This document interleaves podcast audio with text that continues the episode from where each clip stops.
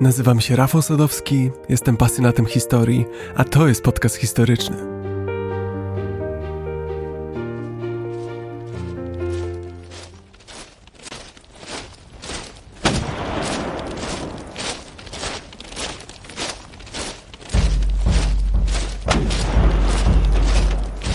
Słyszycie? Dobiegające z oddali uderzenia w bębny, niewyraźne okrzyki wydawanych rozkazów, stukot kopyt kawalerii.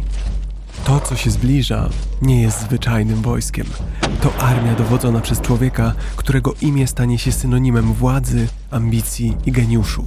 Człowieka, którego sama obecność przyprawiała Europę o dreszcze. Pomyślcie przez chwilę o tych nielicznych postaciach w historii, pozostawiających po sobie dziedzictwo tak wielkie, że wciąż je analizujemy wieki później. A teraz wyobraźcie sobie, że jesteście szeregowym francuskim żołnierzem pod koniec XVIII wieku. Obserwujecie, jak nieznany korsykański oficer pnie się po szczeblach kariery, nie tylko wojskowej, ale też władzy jak burzy tradycje, rysuje mapy od nowa i daje początek współczesnemu światu. Napoleon Bonaparte. To imię kojarzy się z widokiem rozległych pól bitewnych, przesiąkniętych marzeniami, ale i krwią narodów. A za geniuszem militarnym krył się polityczny wizjoner, ale też arogant – Człowiek, który marzył o wolności, równości i braterstwie, ale zarazem miał tyle pychy w sobie, by chwycić koronę i umieścić ją własnoręcznie na swojej głowie. Rozpoczynając tę podróż, musimy więc postawić sobie pytanie, kim naprawdę był Napoleon? Czy był żywym duchem rewolucji, czy jej największym zdrajcą? Wyzwolicielem Europy, czy jej ciemiężycielem? W dzisiejszym odcinku odkryjemy kolejne warstwy historii Napoleona, wkroczymy na pola zaciekłych bitew, będziemy stąpać przez okazałe komnaty pałaców i staniemy twarzą w twarz z człowiekiem, mitem i legendą. Przygotujcie się na niesamowitą opowieść o ambicji, błyskotliwości, miłości i wojnie. Opowieść, która przecina kontynenty, zmienia losy i, co chyba w niej najpiękniejsze, wciąż, ponad dwa wieki później, porywa naszą wyobraźnię. Niezależnie od tego, czy postrzegacie Napoleona jako światło Europy, czy jej zagładę, mogę obiecać wam jedno. Pod koniec dzisiejszej podróży przekonacie się, że granice między bohaterem a złoczyńcą są znacznie bardziej rozmyte niż kiedykolwiek sobie to wyobrażaliście. Witajcie w podcaście historycznym. Wyruszamy w Odyseję Napoleona Bonaparte.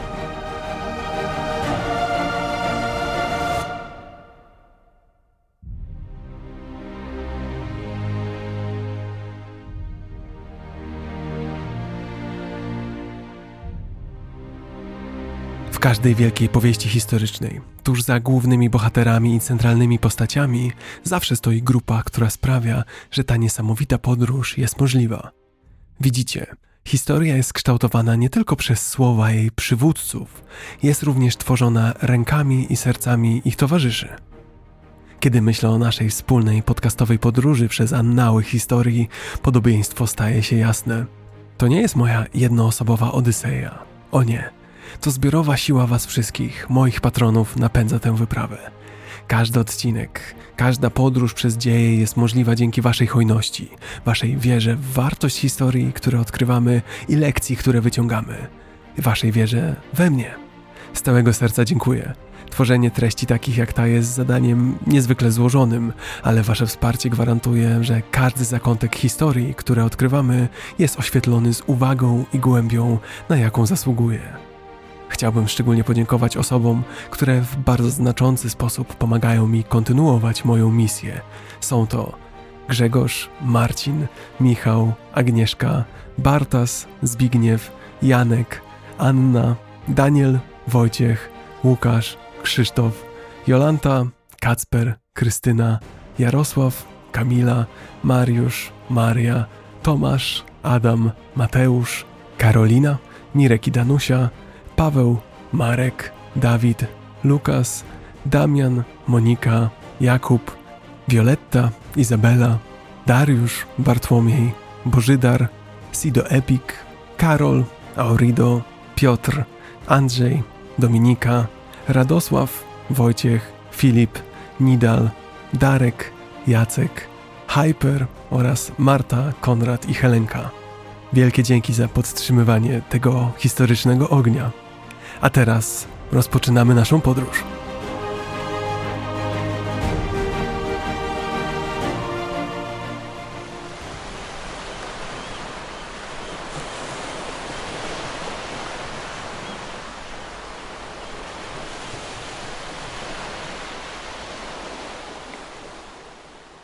Udajemy się na wyspę, dziką, surową i niezależną. Korsyka, ojczyzna dumnych ludów, gdzie waśnie i spory trwają pokolenia, a wolność jest czymś więcej niż tylko hasłem. Jest ona najwyższą wartością. Położona w samym sercu Morza Śródziemnego, niedaleko, raptem 100 kilometrów od Włoch i 160 od Francji, a mimo to tak inna niż kontynentalne państwa. Pośród tego dzikiego piękna, 15 sierpnia 1769 roku w nadmorskim mieście Ajaccio na świat przyszło dziecko. Dziecko, które pewnego dnia chwyci Europę w garść. Jego korsykańskie imię Napoleone di Bonaparte. Świat pozna go pod nieco innym, już francuskim nazwiskiem Napoleon Bonaparte w dalszej części odcinka będę posługiwać się wymową bardziej spolonizowaną Napoleon Bonaparte. Lata mijają, a dziecko wyrasta na chudego, ale zdeterminowanego chłopca. Nie jest szczególnie wysoki. Jego aparycja również nie wyróżnia się pośród rówieśników. Jego cera, dzięki śródziemnomorskim korzeniom, jest oliwkowa, a ciemne włosy opadają mu chaotycznie na czoło. Oczy. Oczy to jednak inna historia – płoną żarem, ambicją, determinacją. Rodzina Napoleona nie była wysoko sytuowana. Owszem, wywodzili się z drobnej korsykańskiej szlachty, ale to nie była ta sama szlachta, co na bogatych dworach Wersalu czy Wiednia. Na Korsyce tytuły miały drugorzędne znaczenie. Ważniejszy był szacunek, jakim was darzono, i sojusze, jakie zawieraliście. Wyobraźmy sobie teraz młodego Napoleona, jeszcze długo nie cesarza, nie generała, ale kilkuletniego chłopca, bawiącego się na skalistych wzgórzach swojej rodzinnej wyspy, zasłuchanego w opowieściach o oporze przeciwko obcym ciemiężycielom. Widzicie, Korsyka była wyspą niedawno podbitą przez Francuzów, wyspą, która wciąż nosiła w sobie ducha buntu, Legendy głoszą, że dzieciństwo młodego Bonapartego było przesiąknięte tym właśnie duchem oporu. Jego ojciec, Carlo, początkowo opierał się francuskim rządom, ale później wybrał dyplomację, jednocząc się z nowymi władcami. Podobno młody Napoleon często kwestionował poglądy swojego ojca. Nie ma co się dziwić. Narodzić się w epoce tak znaczących zmian, nie czuć stabilności. Cóż, to musiało odcisnąć piętno na młodym człowieku. Słowo kwestionował nie oddaje w pełni temperamentu, który zamieszkuje naszego młodego korsykanina. Jest w nim surowa, nieokiełznana energia, poczucie celu, które odróżnia go od rówieśników. Napoleon doskonale zdaje sobie sprawę z niesprawiedliwości, jakiej doświadczył jego lud pod rządami Genueńczyków, a następnie Francuzów, i nosi w sobie to poczucie żalu, pielęgnuje je. Edukacja. To właśnie tutaj widzimy podwaliny przyszłej legendy. Chłopiec z Korsyki został wysłany na kontynent, do Francji, by się kształcił. Wyobrażacie sobie ten szok? Korsykański dialekt, którym mówił młody Napoleon, zastąpiony językiem francuskim, zupełnie innym. Surowe góry Korsyki zastąpione szkolnymi klasami. Ale jak w przypadku każdego wyzwania, przed którym stanie w życiu, Napoleon zaadaptował się – w tych wczesnych latach szkolnych widzimy, jak kształtował się jego charakter. Nauczyciele opisywali go jako sumiennego i pilnego. Był znany z pochłaniania książek, zwłaszcza historycznych. Lektury o starożytnym Rzymie, Hannibalu, Cezarze. To nie były tylko opowieści z przeszłości, to dla Napoleona były lekcje. Wkrótce nadeszła pora na Akademię Wojskową w Brienne-le-Château. Napoleon znalazł się pośród przyszłej elity Francji. Można by pomyśleć, że miał teraz możliwość nadgonić rówieśników, wyrównać szanse. Ale jaka była rzeczywistość?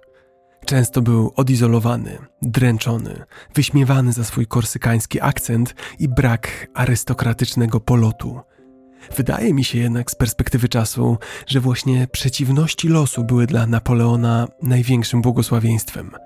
Odtrącony przez kolegów, uciekał w naukę. Strategie i taktyki bitewne, artyleria to był jego świat. Dodajcie do tego opowieści o Aleksandrze Macedońskim i Karolu Wielkim, a zaraz po nich oświeceniowe ideały tamtych czasów. Rousseau, Voltaire, ich przełomowe idee dotyczące wolności, rządów i społeczeństwa.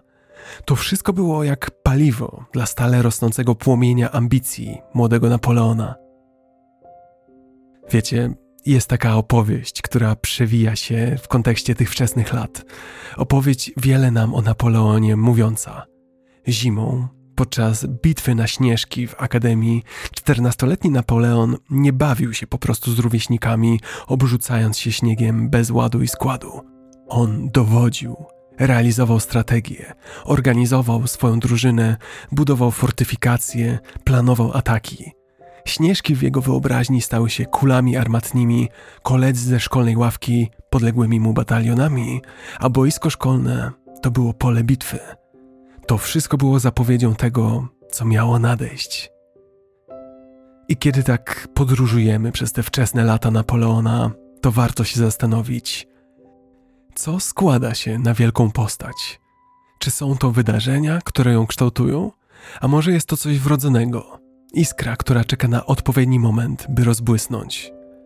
W przypadku Napoleona być może było to jedno i drugie. Ognisty duch Korsyki w połączeniu z jego intelektualnym zapałem i duchem oświecenia stworzyły wybuchową mieszankę. Mieszankę, która wkrótce miała rozsadzić europejską scenę. I kiedy będziemy zagłębiać się w życie Napoleona, kiedy będziemy śledzić jego rozwój, jego triumfy i porażki, Nigdy nie zapominajmy o chłopcu z Korsyki, ponieważ jest on kluczem do człowieka, który zostanie cesarzem. Tymczasem zaś chłopiec ten miał wkrótce po raz pierwszy zasmakować władzy. Świat wokół niego bardzo szybko bowiem się zmieniał.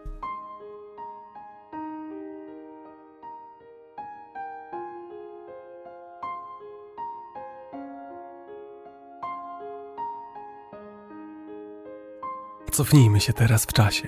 Oto co widzimy.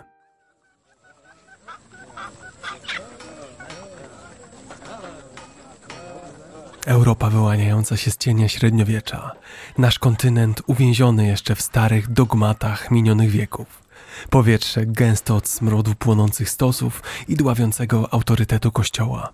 Królowie z boskiego nadania spokojnie zalegają na swoich tronach, niezagrożeni, niekwestionowani w swych absolutnych rządach.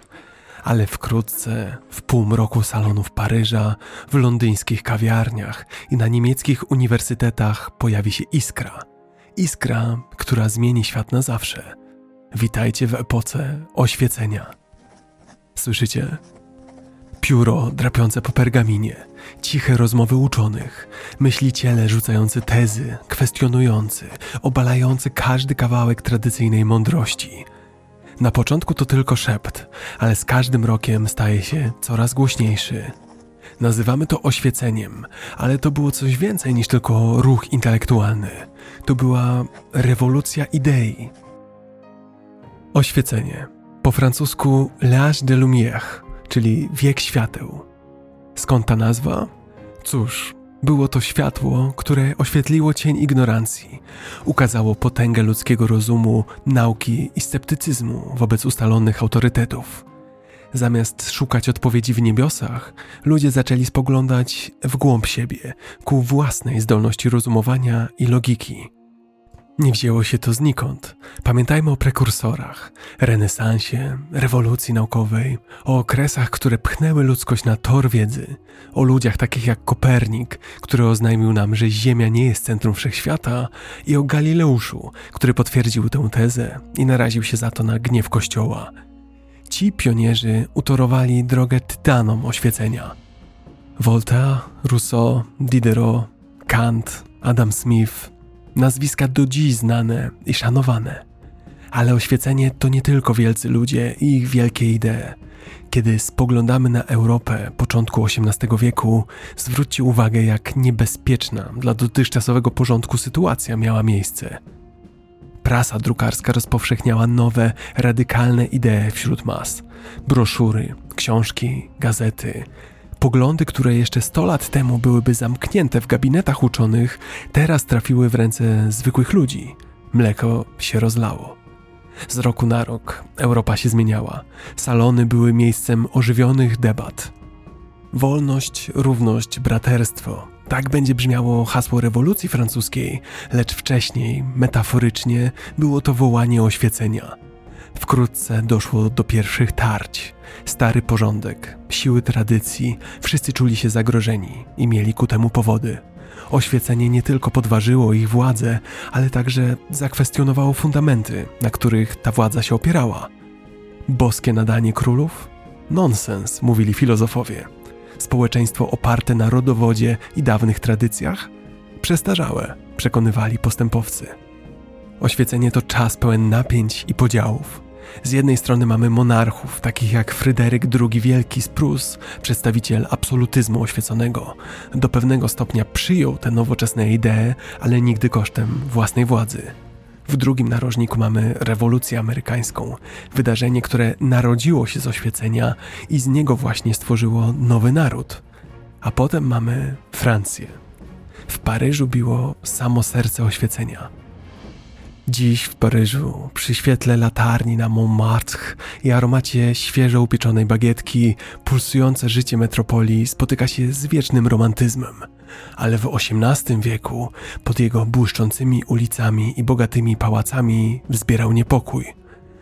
Paryskie powietrze było przepełnione nie tylko aromatem wypieków i wilgocią sekwany, ale także szeptami rewolucji.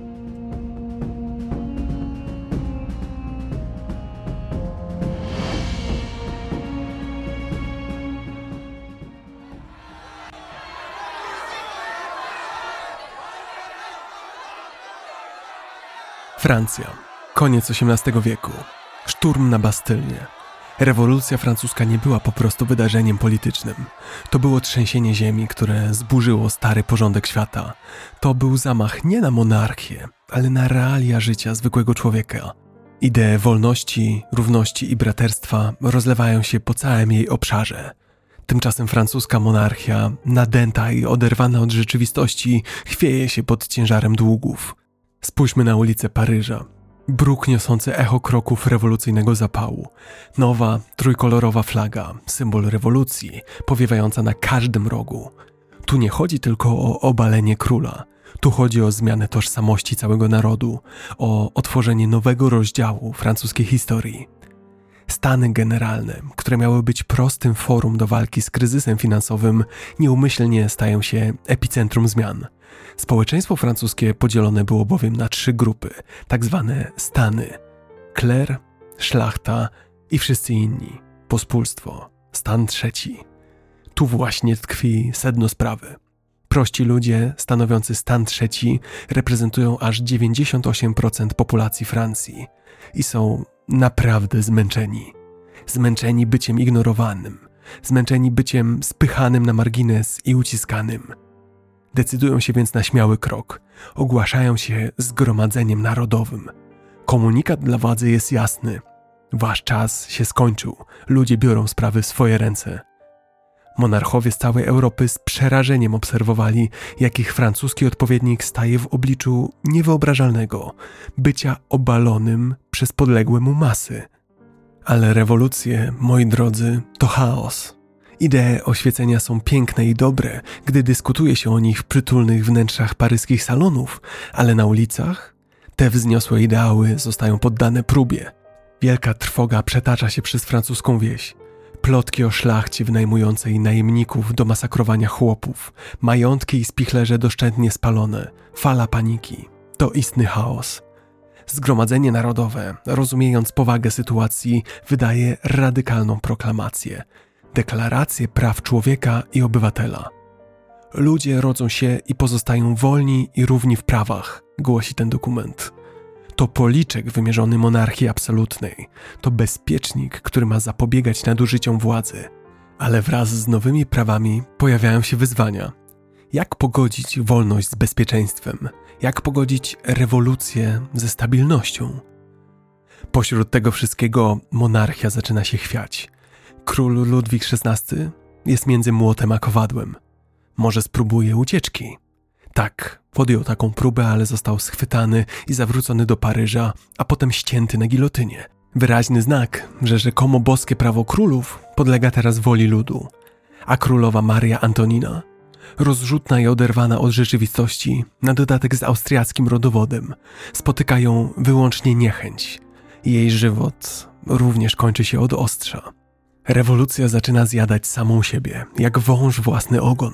Pojawiają się różne frakcje: żyrondyści, jakobini, sankiuloci, wszyscy z własną wizją Nowej Francji. Komitet Bezpieczeństwa Publicznego, kierowany przez zawsze czujnego Robespiera, wprowadza rządy terroru. Ponury i burzliwy okres, w którym sprzeciw spotyka się ze śmiercią. Gilotyna, niosąca szybką sprawiedliwość, stała się ponurym symbolem tej rewolucji – szlachta, duchowni, każdy na własnej szyi mógł poczuć jej zimne ukąszenie. To właśnie w tym wirze rewolucyjnego zapału ponownie spotykamy naszego młodego korsykanina, Napoleon Bonaparte, odmieniec z urodzenia, ale z bystrym umysłem i niezrównaną sprawnością wojskową podczas gdy dawna Europa obawia się rewolucyjnej zarazy rozlewającej się z Francji, Napoleon, służąc w wojsku, jest zajęty obroną tej rewolucji przed zagranicznymi i wewnętrznymi wrogami. I gdy dekada dobiega końca, gdy dym rewolty zaczyna się rozwiewać, francuski krajobraz zmienił się bezpowrotnie. Dawna monarchia, wielowiekowe instytucje, odwieczne zwyczaje wszystko to zmiecione. W ich miejscu stoi nowy byt, Republika jest jednak krucha, potrzebna jest jej stabilność, przywództwo. Gdy wiek XVIII ustępuje miejsca XIX, na horyzoncie pojawia się taka właśnie postać. Napoleon jest gotów zająć centralne miejsce na scenie, a świat. Świat już nigdy nie będzie taki sam.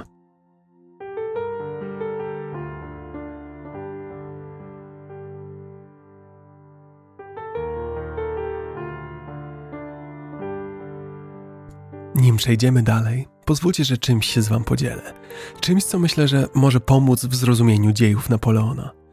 Pamiętam, że w szkole miałem problemy ze zrozumieniem tego wszystkiego, co działo się we Francji podczas rewolucji. Czy Napoleon dołączył do rewolucjonistów? Czy skoro we Francji panowała monarchia, a on uczył się przecież w tym czasie w państwowej szkole wojskowej, to czy nie powinien raczej bronić monarchii niż być częścią rewolucji? Spokojnie, już tłumaczę. Po pierwsze, należy pamiętać, że rewolucja francuska nie była wajchą z monarchii na rewolucję. Wbrew nazwie, to była ewolucja, nie rewolucja. Jest takie powszechne, błędne przekonanie, że każdy, kto uczestniczył w rewolucji, był zagorzałym radykałem, piekielnie zdeterminowanym, by obalić cały porządek społeczny i polityczny, że to była sytuacja jak na meczu piłkarskim my kontra oni to bardzo duże uproszczenie, a rzeczywistość była bardziej zniuansowana. Napoleon, pochodzący z Korsyki, zawsze był trochę outsiderem we Francji kontynentalnej. Sama Korsyka była zresztą świeżym dodatkiem do Francji, sprzedanym Francuzom przez Genueńczyków pod koniec XVIII wieku. Oto więc młody Bonaparte, korsykanin, rzucony do francuskich szkół, uczony w języku, którego nie rozumiał, na nowo uczył się życia. Przy tym był wystawiony na oświeceniowe idee, rewolucyjną retorykę i rosnącą falę nacjonalizmu. To wszystko miało wpływ na jego osobowość. Ale Napoleon był też głęboko pragmatyczny. Gdy rewolucja się rozlała, pojawiły się nowe możliwości. Stara gwardia, doświadczeni oficerowie i szlachta, wielu z nich uciekło, wyemigrowało lub zostało uwięzionych. To stworzyło próżnię, w której młodzi, ambitni ludzie, tacy jak właśnie Napoleon, dostrzegli szansę na społeczny awans. Pamiętajmy, Napoleon był chłopakiem, który w innych okolicznościach zapewne przeżyłby swoje życie co najwyżej jako podrzędny, nikomu nieznany szlachcic, służąc monarchii na jakimś odległym stanowisku. Rewolucja zmieniła zasady gry, otworzyła drzwi. Jest jeszcze kwestia przetrwania. W miarę nasilania się rewolucji neutralność przestała wchodzić w grę. Albo jesteś z nami, albo przeciwko nam. Komitety rewolucyjne, tłumy, wszyscy na was patrzą. Rewolucja miała sposób na pożarcie tych, których uważała za wrogów. Napoleon wiedział, że aby przetrwać, musi przynajmniej publicznie sprzymierzyć się ze sprawą rewolucji. Ale przy tym była orędowniczką merytokracji, rządów kompetencji. Napoleon ze swoją sprawnością wojskową był ucieleśnieniem tego nowego merytokratycznego ideału. Nie chodzi o szlachetne urodzenie, chodzi o to, co sobą reprezentujesz. Wreszcie nie zapominajmy o istocie samej sprawy. Rewolucje są nie tylko polityczne czy militarne, są emocjonalne. Energia, zapał, obietnica lepszej przyszłości. To może upajać, odurzać.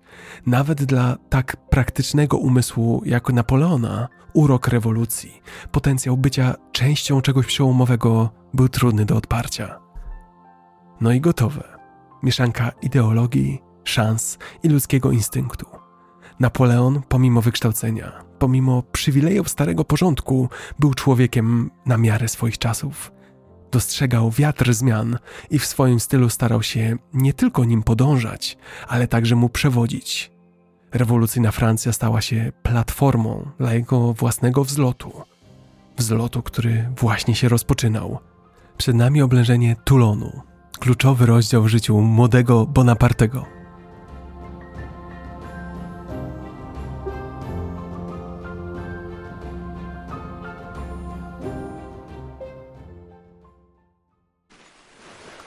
Słońce wschodzi nad Morzem Śródziemnym, rzucając ciepłe, złote promienie na Toulon. Mamy rok 1793, jesień, a miasto to, położone między morzem a górami, jest czymś, co warto zobaczyć na własne oczy. Toulon jest położony w południowo-wschodniej Francji, wzdłuż pięknego wybrzeża Morza Śródziemnego. Jego wąskie uliczki są mieszanką średniowiecznej i renesansowej architektury, odzwierciedlając bogatą historię tego miejsca. Port w Toulonie, jeden z największych we Francji, tętni życiem. Statki z całego świata cumują tutaj, rozładowując swoje towary i przyjmując nowe dostawy. Ale pomimo swojego pozornego uroku i ładu, aż kipi tu od politycznych niepokojów. Rewolucja francuska jest w pełnym rozkwicie, a Toulon Twierdza royalistów stoi w kontrze do oddalonego o 800 km rewolucyjnego rządu w Paryżu. W geście sprzeciwu Toulon szeroko otwiera swoje bramy dla sił brytyjskich i hiszpańskich. To akt buntu, który podważa istotę rewolucji. Niebawem rozpocznie się więc jedno z najbardziej dramatycznych oblężeń w historii. 18 września 1793 roku odgłosy codziennego życia zostały zagłuszone przez huk wystrzałów armatnich. Siły rewolucyjne zaczynają oblegać miasto. Obrona Toulonu jest jednak wzmocniona przez brytyjskie okręty. Wydaje się niemal niewrażliwa na żaden atak. Tulończycy nie wiedzą jeszcze, że jednym z oblegających jest młody kapitan Napoleon Bonaparte. To jego debiut w takim zadaniu został przydzielony do kierowania ostrzałem artylerii. Napoleon nie podchodzi do zadania jak typowy żołnierz. Dla niego to gra w szachy, a miasto i tereny wokół to jego plansza. Wiedział, że Toulon był ważnym portem morskim, dobrze ufortyfikowanym i bronionym przez potężną flotę brytyjską oraz obrońców lądowych.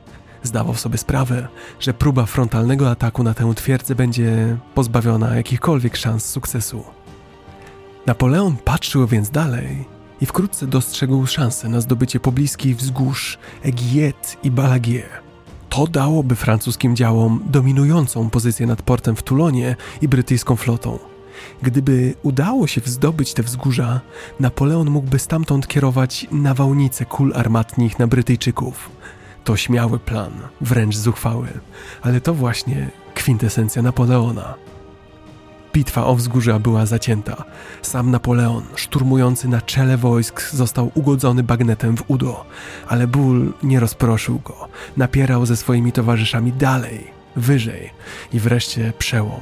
Wzgórza zostały zdobyte, francuskie działa ustawione, a brytyjska flota pod groźbą artylerii została zmuszona do ucieczki. Toulon powraca w ręce Republiki. Napoleonowi przypisuje się bardzo trafny cytat. Powiedział on kiedyś: Pole bitwy jest sceną ciągłego chaosu. Zwycięży ten, kto zapanuje nad chaosem, zarówno własnym, jak i wroga. I jakże Napoleon nad tym chaosem panował. Osobiste zaangażowanie i odwaga Napoleona były widoczne jak na dłoni. Jego żołnierze patrzyli, jak niestrudzenie pracuje, jak planuje rozmieszczenie artylerii, a nawet jak sam staje na linii ognia. To bezpośrednie podejście i osobiste zaangażowanie inspirowały jego żołnierzy. Za swoją rolę w odzyskaniu Toulonu Napoleon został awansowany na generała brygady. Generał brygady w wieku 24 lat. To nie był krok w górę po drabinie wojskowej, to była katapulta do politycznej i wojskowej elity rewolucyjnej Francji. I tak, oblężenie Toulonu daje nam wgląd w charakter Napoleona, ale pokazuje nam też fundamentalną prawdę epoki. Rewolucja zmieniła zasady gry – w bezładnym tańcu władzy, jakim była rewolucyjna Francja, to ci, którzy potrafili okiełznać chaos, wznosili się na szczyt. I Napoleon rzeczywiście się wznosił. Od surowych terenów Korsyki, przez zdyscyplinowane sale Akademii Wojskowej w Brienne-le-Château, po oblężone ulice Toulonu, jego podróż była błyskawiczna. Ale to dopiero początek. Jego gwiazda miała wkrótce rozbłysnąć jeszcze jaśniej.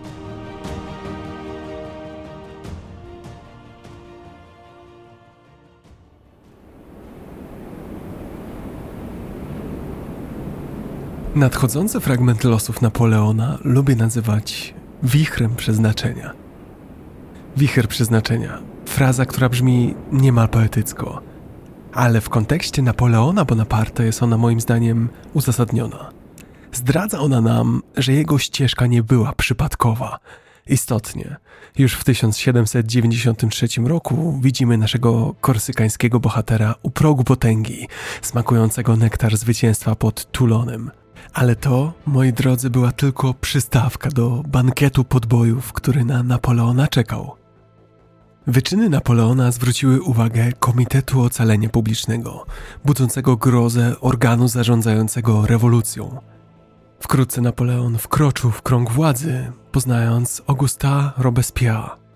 Augusta był krewnym Maksymiliana Robespierre, znanego już wam miłośnika gilotyn – i jak to bywa podczas rewolucyjnych gierek, kiedy gwiazda Maksymiliana Robespierre w 1794 roku zbladła, Napoleon również poczuł tego skutki. Trafił do więzienia, choć tylko na dwa tygodnie. Przenieśmy się teraz do roku 1795.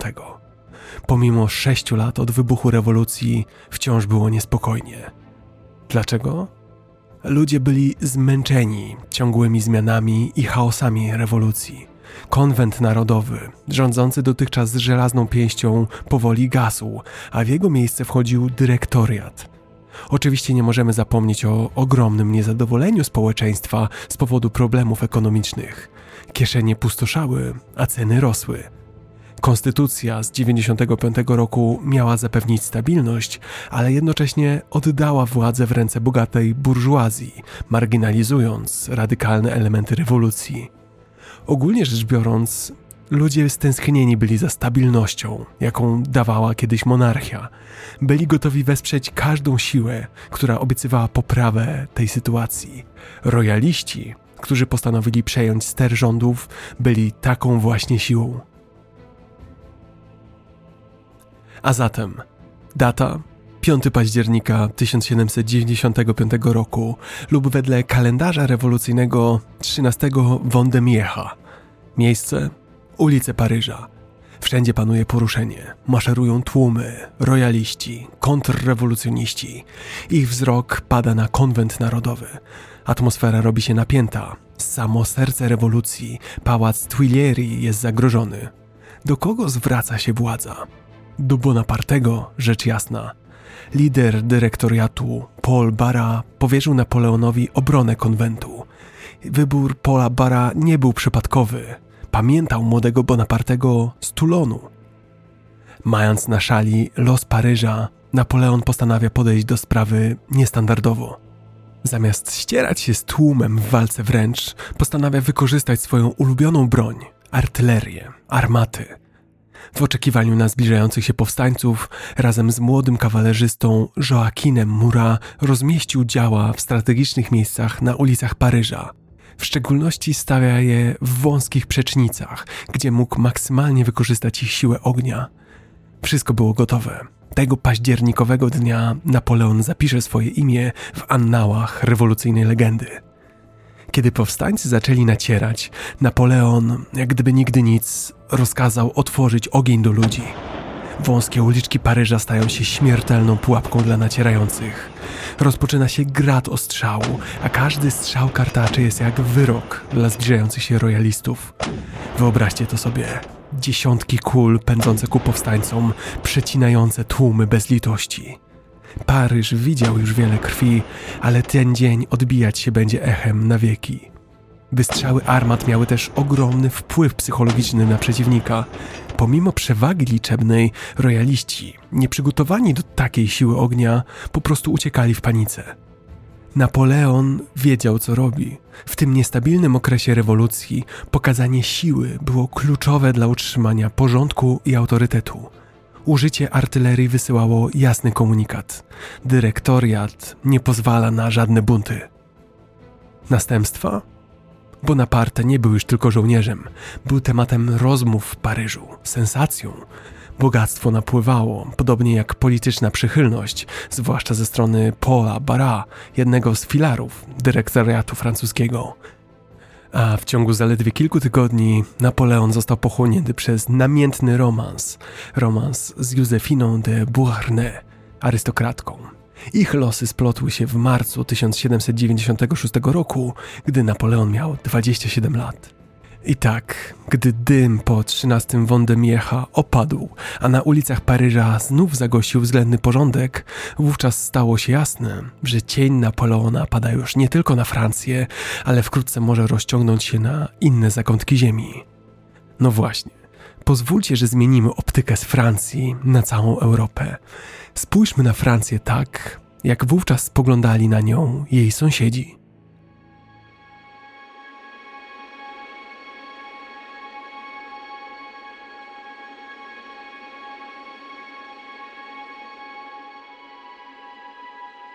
Był rok 1796.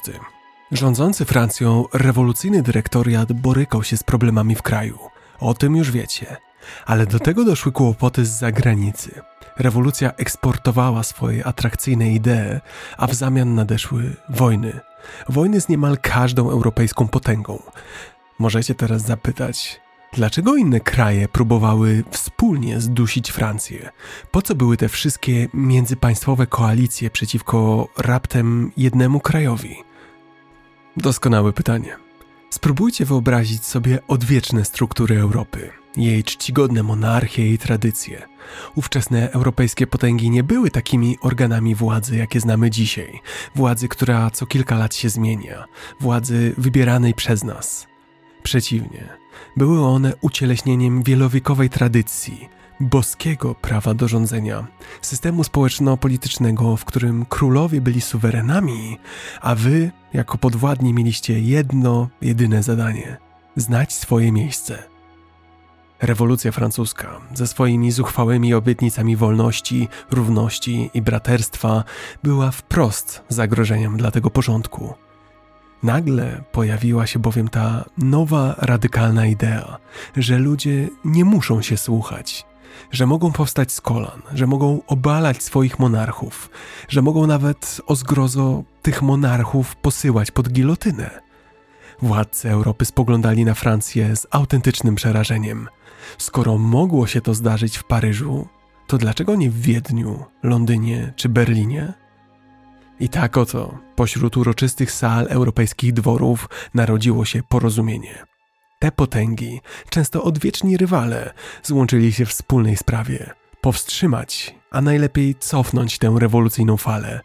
Powstają koalicje, nie tylko jako odpowiedź na wzrost potęgi Francji, ale jako coś więcej. Wspólny bastion przeciwko rewolucyjnej wizji, która groziła napisaniem na nowo europejskiego społeczeństwa. Stary porządek musiał walczyć, by powstrzymać tę rewolucyjną falę, a tworzenie tych koalicji było na to sposobem.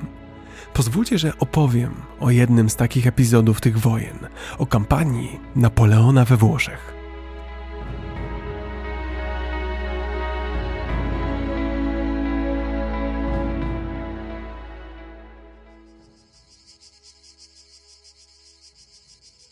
Wśród wszystkich ówczesnych europejskich teatrów wojny jeden się wyróżniał Włochy. Włochy w tym czasie, czyli w 1796 roku, nie były zjednoczonym narodem, który znamy dzisiaj. Była to mozaika niewielkich państewek, księstw i terytoriów. Niektóre z tych regionów miały francuskie sympatie, podczas gdy inne, zwłaszcza te pod wpływami austriackimi, były zdecydowanie przeciwne fali rewolucyjnej. Austriacy mieli silną pozycję w wielu włoskich regionach. Byli jednocześnie kluczowym graczem w europejskiej koalicji przeciwko Francji. Cel Francji? Wypędzić z Włoch Austriaków i sojuszników, położyć podwaliny pod Republikę Kliencką we Włoszech. Ponadto uzyskać dostęp do włoskich zasobów. Człowiek do tej roboty? Nasz niespełna 30-letni Napoleon. Ale pamiętajmy, Wówczas to wciąż nie był zaprawiony weteran, lecz młody, niedoświadczony dowódca, któremu powierzono armię o słabym wyposażeniu i o niskim morale. Można by pomyśleć, że Napoleon będzie bezradny, ale pamiętajmy, mamy do czynienia z człowiekiem, dla którego przeciwności losu były paliwem. W porywającym przemówieniu do swoich żołnierzy oznajmił: Żołnierze, jesteście nadzy, źle odżywieni. Rząd jest wam wiele winien, a nie może wam nic dać. Ale ja poprowadzę was na najbardziej żyzne równiny na świecie. Bogate prowincje, wielkie miasta będą w waszym władaniu. Znajdziecie tam honor, władzę i bogactwo.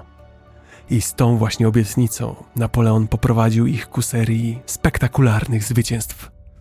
Pierwsze z nich Montenotte 12 kwietnia 1796 roku Słońce dopiero wschodziło, rzucając długie cienie na piemonckie równiny. Generał Johann Bolio, dowódca sił austriackich, opracował plan zmiażdżenia Francuzów. Nie docenił jednak swojego przeciwnika. Napoleon był o krok przed nim. Sceneria Montenotte stała się świadkiem genialnej strategii tego młodego dowódcy – Francuska armia wślizgnęła się niczym ostrze noża pomiędzy oddzielone siły Austriaków i Sardyńczyków. Wówczas niespodziewany, frontalny atak Francuzów, wsparty błyskawicznym manewrem na flankę, sprawił, że liczniejsze siły sprzymierzeńców znalazły się w chaosie.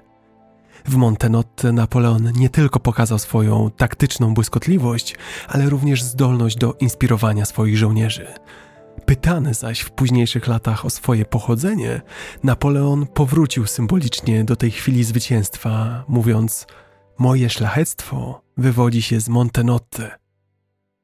Przenieśmy się teraz na bagna Arcole w 1796 roku. W dalekich zakamarkach Lombardii, gdzie dwie rzeki, Adyga i Alpone, zbiegają się w jedno, rozgrało się niezapomniane starcie – od 15 do 17 listopada młody Bonaparte stał naprzeciwko doświadczonej armii austriackiej. Siły austriackie pod dowództwem Józefa Alvinciego były zdeterminowane, by powstrzymać francuskie natarcie. Bitwa pod Arcole trwała trzy dni. Walki były tak intensywne, że w pewnym momencie nie zgadniecie. Sam Napoleon pochwycił flagę i poprowadził swoich ludzi przez most pod gradem austriackiego ognia. Był to moment, który został uwieczniony na obrazach i w wierszach. Moment, który jest kwintesencją Napoleona Bonaparte. Pomimo przewagi liczebnej, siły francuskie, zainspirowane swoim zuchwałym przywódcą, walczyły z nieustępliwością, która przeczyła logice. Austriacy, sponiewierani i oblężeni, zostali zmuszeni do odwrotu. Bitwa pod Arcole była nie tylko triumfem militarnym, była świadectwem niezłomnego ducha sił francuskich i ich przywódcy. Na koniec zaś bitwa pod Rivoli w 1797 roku. Chłodny wiatr zimowego poranka wznosił się nad wzgórzami Rivoli, Siły austriackie, ponownie pod dowództwem Józefa Alvinciego, były zdeterminowane, by przerwać francuskie oblężenie Mantui, jednej z silnie ufortyfikowanych twierdz. Ośnieżone szczyty Alp przyglądały się w milczeniu, gdy pod nimi rozgrywał się dramat. Napoleon rozmieścił swoje siły taktycznie, a przebieg bitwy? To był majstersztyk. Gdy siły austriackie zaczęły się zbliżać, spotkały się z gradem francuskiej artylerii. Niebo wypełniło się dźwiękiem wystrzałów, krzykiem i zgiełkiem walki. Starcia ciągnęły się dwa dni, a wynik wisiał na włosku. Ale Napoleon zaaranżował serię manewrów, w tym frontalny szturm. Austriacy, pogrążeni w chaosie, stracili serce do walki. Ich straty były zaś ogromne. Załoga Mantuj poddała się Bitwa ta nie była jedynie zwycięstwem militarnym, była dowodem na to, że wódz, który posiada wizję, determinację i odwagę, może pokonać przeciwności losu i kształtować historię. A widok tysięcy żołnierzy walczących na tle majestatycznych włoskich krajobrazów utkwił w pamięci tych, którzy przeżyli to starcie. Montenotte, Arcole, Rivoli – Trzy bitwy, które odbiły się echem przez wieki, kształtując losy narodów i tworząc legendę Napoleona. W każdej z nich Napoleon pokazał swój strategiczny geniusz, determinację i umiejętność inspirowania swoich żołnierzy. Dzięki błyskawicznym manewrom i zuchwałej taktyce wyparł Austriaków z północnych Włoch. Miasto po mieście, twierdza po twierdzy, wszystko padało jak kostki domina przed potęgą armii Napoleona. Mało tego, Napoleon wykazał się później wyczuciem i zrozumieniem obrazu politycznego. Choć pokonał swoich wrogów, to zmienił ich w sojuszników. W ślad za nim powstawały nowe republiki sprzymierzone z Francją. Kampania włoska została zakończona traktatem z Campo Formio w 1797 roku. Traktat ten oznaczał koniec wojny pierwszej koalicji, konfliktu, który przez lata szalał i wykrwawiał Europę. Przeciwnicy Francji oficjalnie rzucili ręcznik na ring. Odtąd Wielka Brytania pozostała sama w walce z rewolucyjną Francją. Na mocy traktatu z Campo Formio terytoria przechodziły z rąk do rąk, granice były wytyczane na nowo, Francja rozszerzyła swoje wpływy na zachodzie, a Republika Wenecka, licząca sobie tysiąc lat, została rozwiązana. A Napoleon? No cóż, po traktacie z Campo Formio stał się legendą jeśli we Francji pozostali jeszcze jacyś wątpiący w tego korsykańskiego awanturnika, to byli teraz w zdecydowanej mniejszości. Ale cóż to?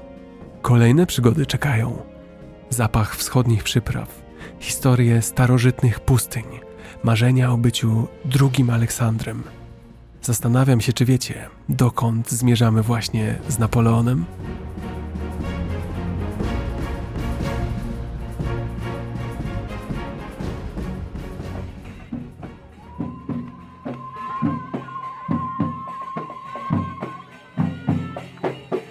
Egipt, kraina tajemnic, pomost łączący kontynenty, a zarazem klejnot, którego Napoleon pragnął do swojej korony. Jego ambicje? Liczne. Ukrócić wpływy Brytyjczyków, zakłócić ich szlaki handlowe do Indii i być może, czemu nie, stworzyć wschodnie imperium. Skąd takie plany? Spójrzmy na to szerzej. Jest rok 1798, a świat jest szachownicą. Na niej wyróżnia się kilka figur, w tym Imperium Brytyjskie. To potęga, jego flota rządzi na morzach i oceanach, a jego wpływy są wszechobecne. Młody, ambitny generał Napoleon Bonaparte ma jednak oko na coś, co może zmienić równowagę sił.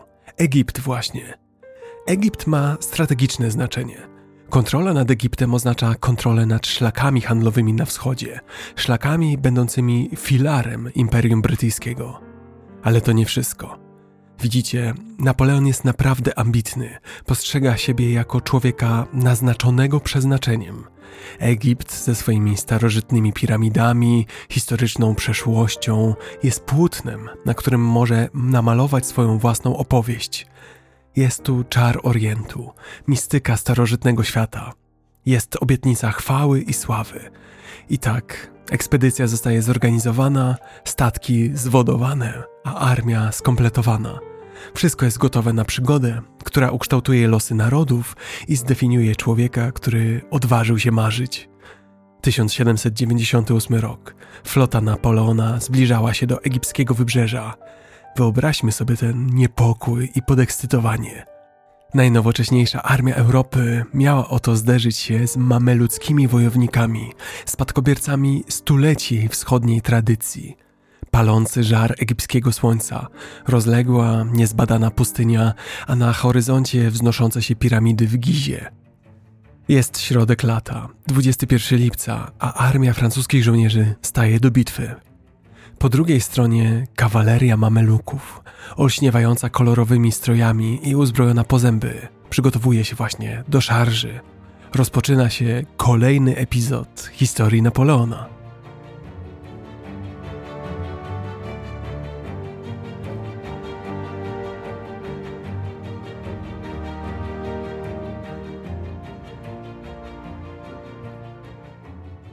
Przed wami bitwa pod piramidami, starcie cywilizacji, spotkanie starego i nowego świata. Wszystko zaczyna się od przemówienia Napoleona do swoich podwładnych. Żołnierze, przybyliście do tego kraju, by ocalić jego mieszkańców przed barbarzyństwem, by przynieść cywilizację Orientowi i wyrwać tę piękną część świata spod dominacji Anglii. 40 wieków patrzy na was ze szczytu tych piramid Napoleon wiedział, że Mamelucy mają ponad 6 tysięcy jednostek kawalerii i że jego piechotę czeka zagłada, jeśli czegoś nie wymyśli. Jak byście poradzili sobie na miejscu Napoleona? Jak sprawić, by piechota miała jakąkolwiek szansę z pędzącą konnicą? Napoleon wpada na pewien pomysł. Czworobok, formacja, która w erze napoleońskiej okazała się niezdobytym murem wobec szarż kawalerii. Wyobraźcie sobie, Gęste szeregi żołnierzy, bagnety błyszczące w słońcu, wspólnie tworzą nieprzeniknioną ścianę. W sercu tej formacji żołnierze gotowi strzelać nad głowami swoich towarzyszy, siejąc ogień przeciw zbliżającej się konnicy. Jakież to było skuteczne posunięcie. Pośród huku bitwy piechota ustawia się w formacji czworoboku. Nieprzenikniona ściana ludzi, wzmacniana bagnetami, chroniona jest z każdej z czterech stron, a koń choć wyszkolony do szarż, w obliczu takiej ściany, najeżonej bagnetami i muszkietami, zahamuje swój bieg lub poszuka ścieżki wokół. To nie tyle obawa jeźdźca, co głęboko zakorzenione w psychice konia poczucie zagrożenia. A wówczas francuskie bagnety są gotowe, by przywitać wroga. Czworobok nie był tylko taktyką, był symbolem dyscypliny, odwagi i braterstwa żołnierzy w obliczu nadciągającej burzy. Napoleon dokonał niebywałego przekształcił psychologiczny instynkt zwierzęcia w broń, wyrównując tym samym szanse przeciwko dominującej sile na polu bitwy. Czworobok miał swoją wadę. Bycie ustawionym w czworoboku było niezwykle niebezpieczne, jeśli wróg wprowadził do gry artylerię. Kule armatnie przedarłyby się przez czworobok z jednej strony na drugą, dokonując rzezi. Artylerii najlepiej było stawić czoła w linii lub w szyku otwartym ale pod piramidami nie było takiego zagrożenia. Mamelucy, dzielni i zaciekli, szarżują na francuskie linie, wymachując szablami i gnając na koniach. Bitwa jest zacięta, a walka zażarta. Francuskie czworoboki trzymają się mocno, muszkiety i artyleria zaś wycinają w pień szarżujących mameluków. Napoleon, spokojny i opanowany, precyzyjnie dyryguje swoimi wojskami. Gdy kurz opada, pustynia ukazuje bilans starcia. Siły mameluków są zdziesiątkowane, a ich kawaleria jest cieniem swej niedawnej potęgi. Napoleon, zwycięzca, stoi na szczycie piaskowej wydmy, spoglądając na piramidy.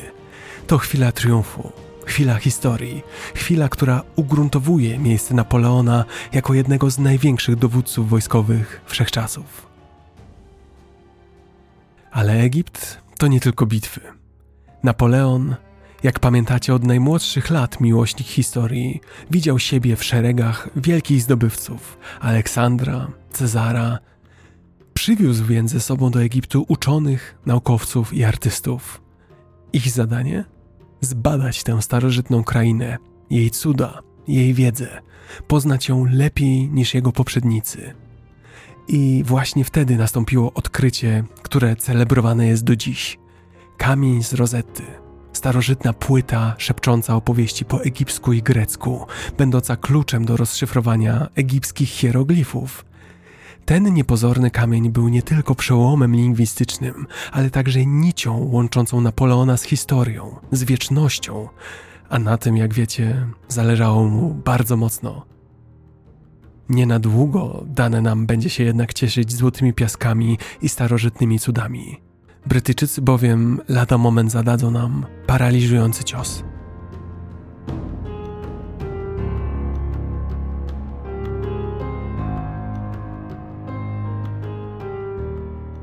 Przenieśmy nasz wzrok z upalnych, pustynnych piasków na orzeźwiające wody Morza Śródziemnego. Mamy 1 sierpnia 1798 roku, zaledwie kilka tygodni po bitwie pod piramidami. Napoleon, po zapewnieniu sobie przyczółka na lądzie, stoi teraz w obliczu zagrożenia z morza. Brytyjska królewska marynarka wojenna pod dowództwem admirała Horatio Nelsona właśnie namierzyła francuską flotę zakotwiczoną w zatoce Abukir. Horatio Nelson szykuje się do ataku z nienacka. Bitwa nad Nilem, bo tak zostanie okrzyknięta, to nie było zwykłe starcie morskie, to pojedynek charakterów.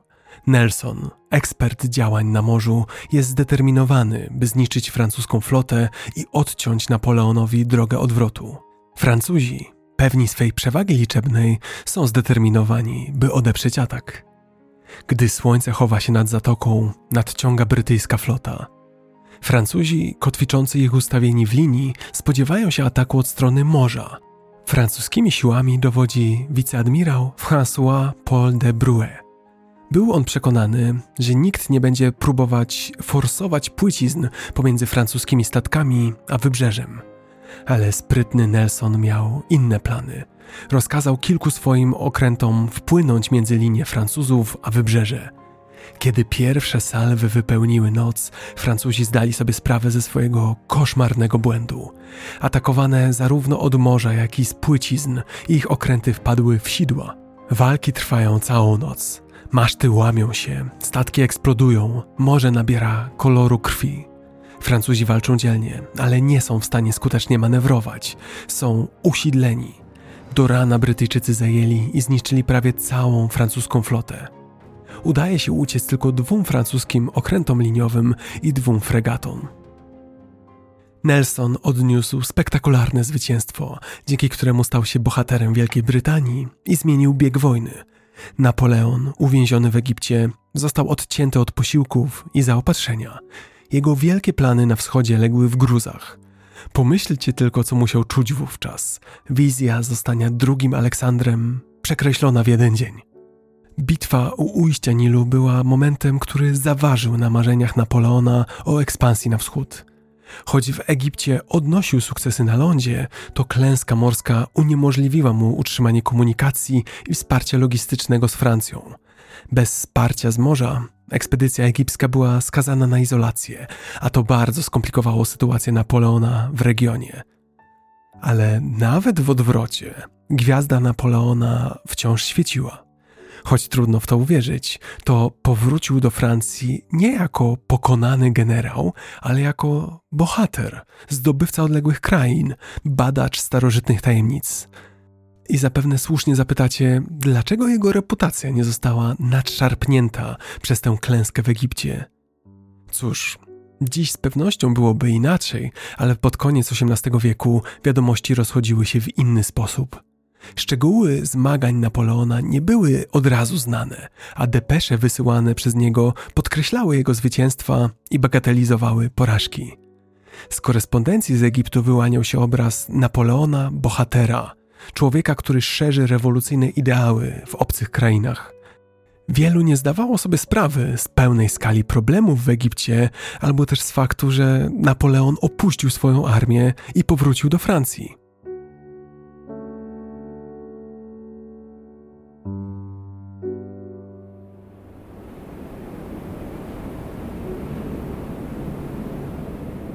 wicher przeznaczenia. Teraz to oczywiste, prawda? Od falujących wzgórz Włoch po pustynię Egiptu, Napoleon nie tylko płynął na falach historii, on je współtworzył, kształtował rzeczywistość wokół, wykorzystywał dane mu od losu szanse. A gdy piaski Egiptu zeszły na drugi plan, pojawiły się nowe wyzwania. Scena była przygotowana na jeszcze większe podboje, na politykę, na imperium. I nie wiem jak wy, ale ja nie mogę przestać się zastanawiać, czy to była ambicja, czy jednak przeznaczenie. A może połączenie obu tych czynników doprowadziło naszego Korsykańczyka na wyżyny, które niewielu w historii kiedykolwiek osiągnęło? Zagłębiając się w dalszą historię, być może znajdziemy odpowiedź na to pytanie.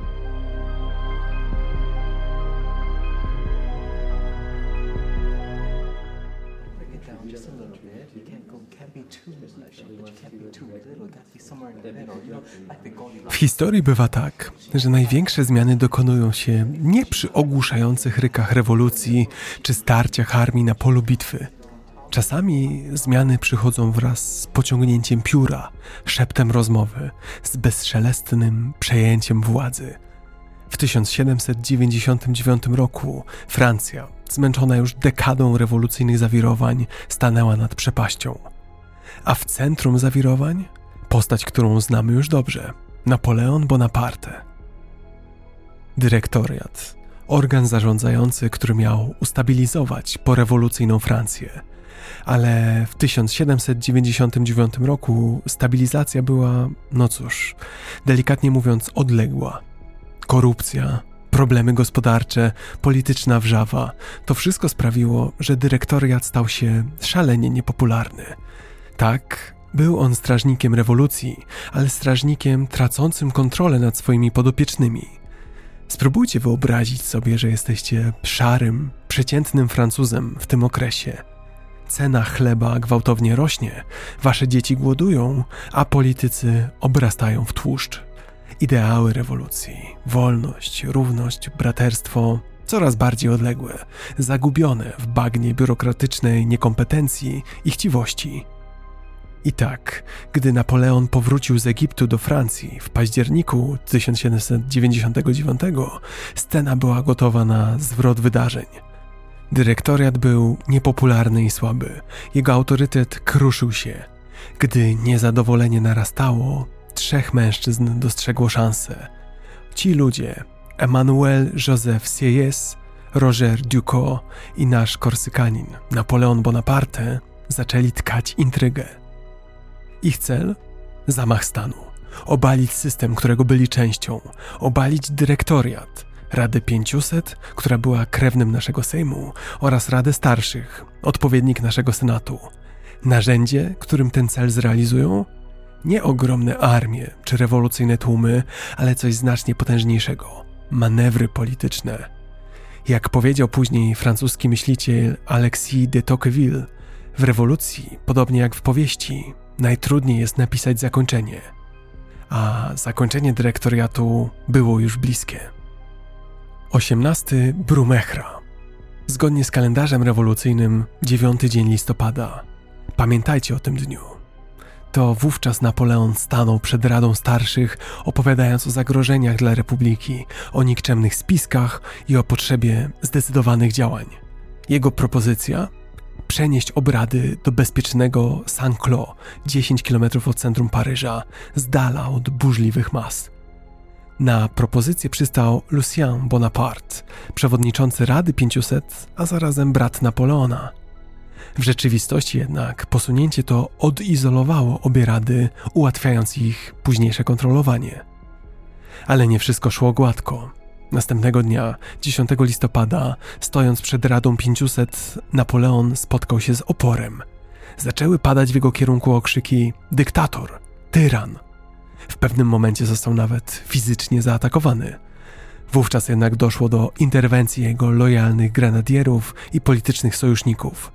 Dzięki połączeniu siły i perswazji, rady zostały zmuszone do rozwiązania dyrektoriatu i ustanowienia nowego rządu. I tak oto w sercu Paryża, w gęstej sieci politycznych intryg, dyrektoriat odchodzi w niebyt. Na jego miejsce zaś wkracza konsulat. Trzech mężczyzn stanęło na czele tego nowego porządku. Bonaparte, Sieyès i Ducot. I choć Sieyes i Duco byli członkami dyrektoriatu i to oni pociągali dotąd za sznurki w spisku, to w rzeczywistości to młody Bonaparte, otoczony murem lojalnych żołnierzy, wyrósł na dominującą postać tej trójki.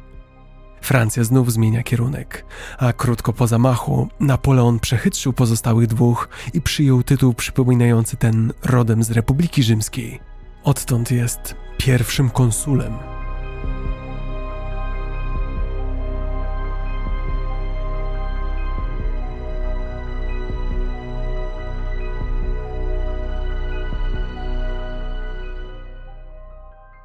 Napoleon jako pierwszy konsul. Trudno opisać zmiany, jakie to wydarzenie przyniosło. Z ruin rewolucyjnego zapału wyłaniał się nowy porządek, naznaczony silną ręką jednego przywódcy. Napoleon nie marnował czasu, zakazał rękawy i zabrał się do pracy. Po pierwsze, kodeks Napoleona, lub jak nazwaliby go Francuzi, Code Civil de France. Olbrzymie przedsięwzięcie mające na celu uproszczenie, ujednolicenie i unowocześnienie francuskiego systemu prawnego. Wyobraźmy sobie Francję po rewolucji. Miszmasz praw, zwyczajów i regionalnych odrębności. To, co jest legalne w Paryżu, może być karalne w Marsylii. Napoleon ze swoim zamiłowaniem do porządku dostrzegł ten chaos i stawił mu czoła. Ale nie chodziło tylko o usprawnienie przepisów. O nie. Kodeks Napoleona wprowadzał w życie zasady oświecenia, równość wobec prawa, wolność wyznania, merytokracja ponad prawem urodzenia. Był to dokument rewolucyjny sam w sobie. Wedle słów Napoleona, moją prawdziwą chwałą nie jest wygranie 40 bitew. Tym, co będzie żyć wiecznie, jest mój kodeks cywilny. I miał rację. Ten kodeks przeżył swojego autora i jego imperium. Do dziś podstawy prawne wielu narodów sięgają tego właśnie dokumentu. Na kodeksie prawnym jednak się nie skończyło. Wizja Francji Napoleona była dużo pełniejsza. Scentralizowana administracja, zastępująca mozaikę władz lokalnych i regionalnych i wprowadzając w jej miejsce bardziej wydajną, usprawnioną tkankę urzędów. Bank Francji, skuteczne ściąganie podatków, wszystkie tryby w maszynie nowoczesnego, zjednoczonego państwa. Następnie drogi, mosty, kanały, infrastruktura, która spajała naród. Napoleon rozumiał jej znaczenie zarówno dla gospodarki, jak i dla mobilności wojskowej. Ponadto reforma systemu edukacji, reforma, która miała na celu stworzenie nowego pokolenia obywateli wyposażonych w wiedzę i umiejętności potrzebne nowoczesnemu narodowi. Powstały lisie, szkoły średnie, które kształtowały młode umysły – była to inwestycja w przyszłość, zalążek pokolenia, w którym kariera opierała się na kompetencjach, a nie na urodzeniu. Do tego standaryzacja miar, czyli system metryczny. Oprócz tego transakcje, z iście napoleońskim rozmachem oczywiście. Dam wam jeden przykład. W 1803 roku w imperium zaczynało brakować pieniędzy – Napoleon, potrzebując środków na wojnę z Anglią, podjął decyzję o sprzedaży gruntów swojej kolonii Stanom Zjednoczonym. Początkowo Amerykanie byli zainteresowani kupnem jedynie Nowego Orleanu i dostępem do rzeki Mississippi, ale Napoleon z typowym dla siebie rozmachem zaoferował im całą Luizjanę. Cena? Zaledwie 15 milionów ówczesnych dolarów. Okazja, jakiej nie można było przegapić. Ameryka podwoiła swoje terytorium, a Napoleon uzyskał cenne zasoby na dalszą walkę w Europie. Tym samym w cieniu wielkiej polityki dokonano transakcji, która przesądziła o przyszłości obu narodów. Ale jak zawsze w przypadku historii, ta również nie jest czarno-biała. Ten sam kodeks napoleoński, który promował równość wobec prawa, pozbawił tej równości kobiety, sprowadzając je do poddanych władzy ojców, a potem mężów. Byli tacy, którzy widzieli w reformach Napoleona zdradę ideałów rewolucji, krok w kierunku autorytaryzmu.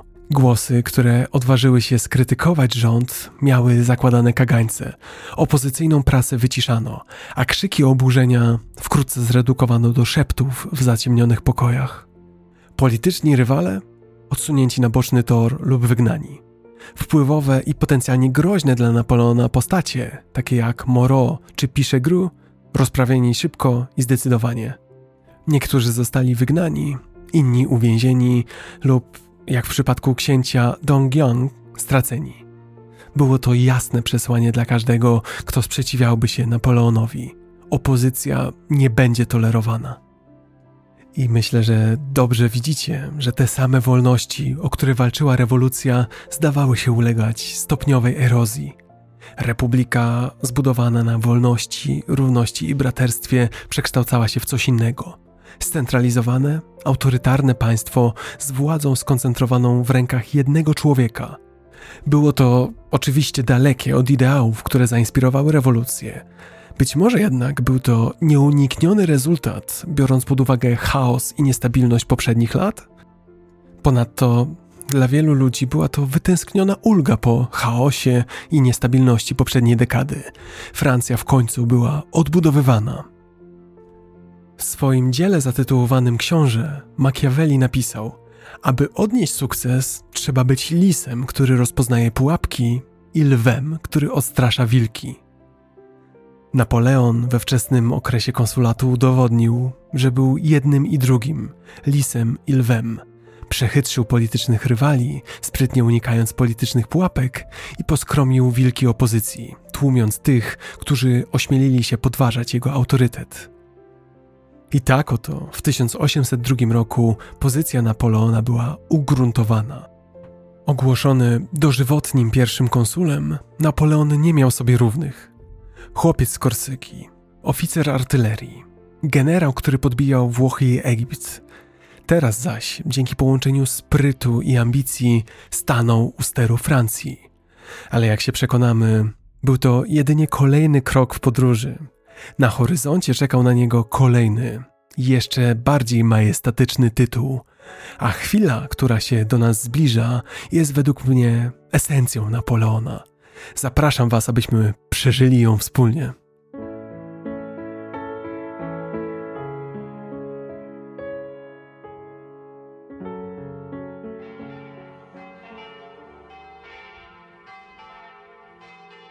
Co jakiś czas w historii ma miejsce chwila wyjątkowa.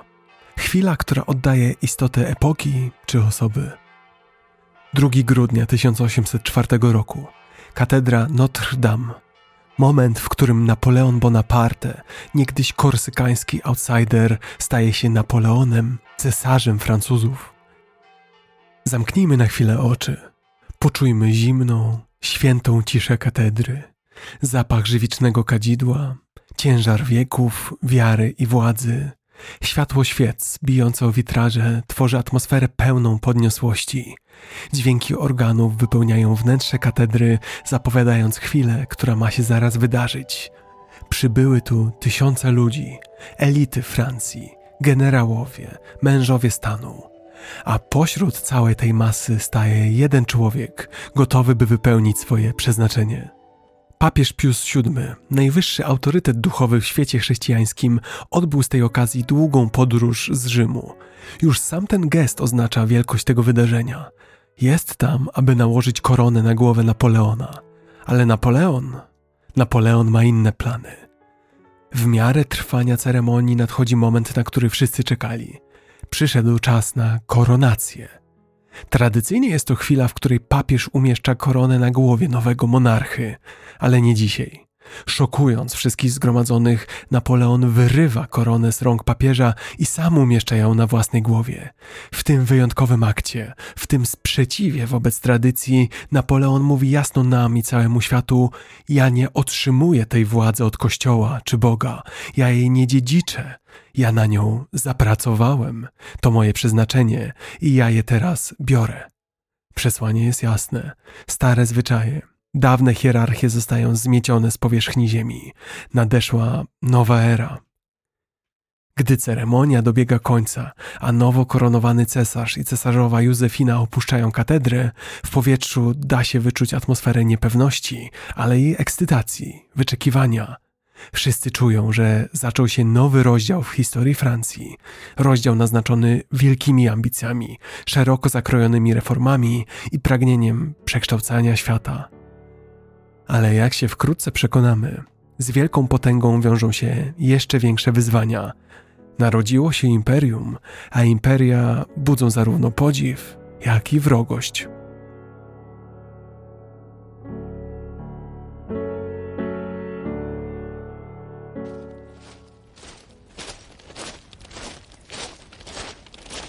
Wyobraźcie sobie Europę, która nie była miejscem pokoju i współpracy, jakie widzimy dzisiaj, ale taką, w której stukot maszerujących butów, błysk bagnetów i wybujałe ambicje imperiów kształtowały losy milionów ludzi.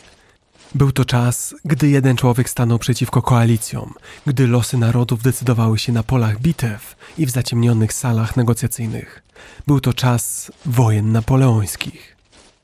Jak pamiętacie, pod koniec XVIII i na początku XIX wieku Europa znajdowała się na rozdrożu. Rewolucja francuska nie tylko obaliła monarchię, ale także rozprzestrzeniła ideę wolności, równości i braterstwa na całym kontynencie. Każda korona, od Madrytu po Moskwę, czuła się zagrożona. Stary porządek, w którym rządziły boskie prawa królów i wielowiekowe hierarchie, został zakwestionowany przez rewolucyjną Francję, która broniła praw zwykłego człowieka. Teraz jednak doszedł kolejny czynnik. Na czele tej ideologicznej zmiany stanęła postać, postać Napoleona Bonaparte. Nie zadowalała go jedynie obrona rewolucyjnych idei w granicach Francji. On chciał je eksportować, wykorzystywać zarówno dyplomację, jak i potęgę francuskiej armii. Marzył o wielkim imperium, które dorównałoby tym z przeszłości. Wyruszył więc na podbój Europy, a europejskie monarchie raz po raz łączyły się, tworząc koalicję w kontrze do Napoleona. I nie wyobrażajcie sobie jednej, długiej, przeciągającej się wojny. Nie bez powodu określa się je mianem wojen napoleońskich, trwające ponad dekadę, od 1803 do 1815 roku, były całą serią konfliktów. Europejskie mocarstwa, czasami solo, czasami w koalicjach, wielokrotnie próbowały ograniczać ambicje rosnącego w siłę Imperium Francuskiego. I choć kuszące byłoby zagłębienie się w najdrobniejsze szczegóły każdej wojny, każdej bitwy i każdej potyczki, to postanowiłem zamiast tego skupić się na trzech kluczowych momentach, które moim zdaniem oddają istotę geniuszu Napoleona, ale też pokazują wyzwania, którym musiał sprostać. To były momenty, w których sytuacja wydawała się nieprzezwyciężenia, kiedy losy narodów wisiały na włosku i kiedy Napoleon, dzięki połączeniu zuchwałości, przebiegłości i siły woli, wychodził z nich zwycięsko. Momenty, które zawierają w sobie esencję epoki napoleońskiej. A zaczniemy od Austerlitz.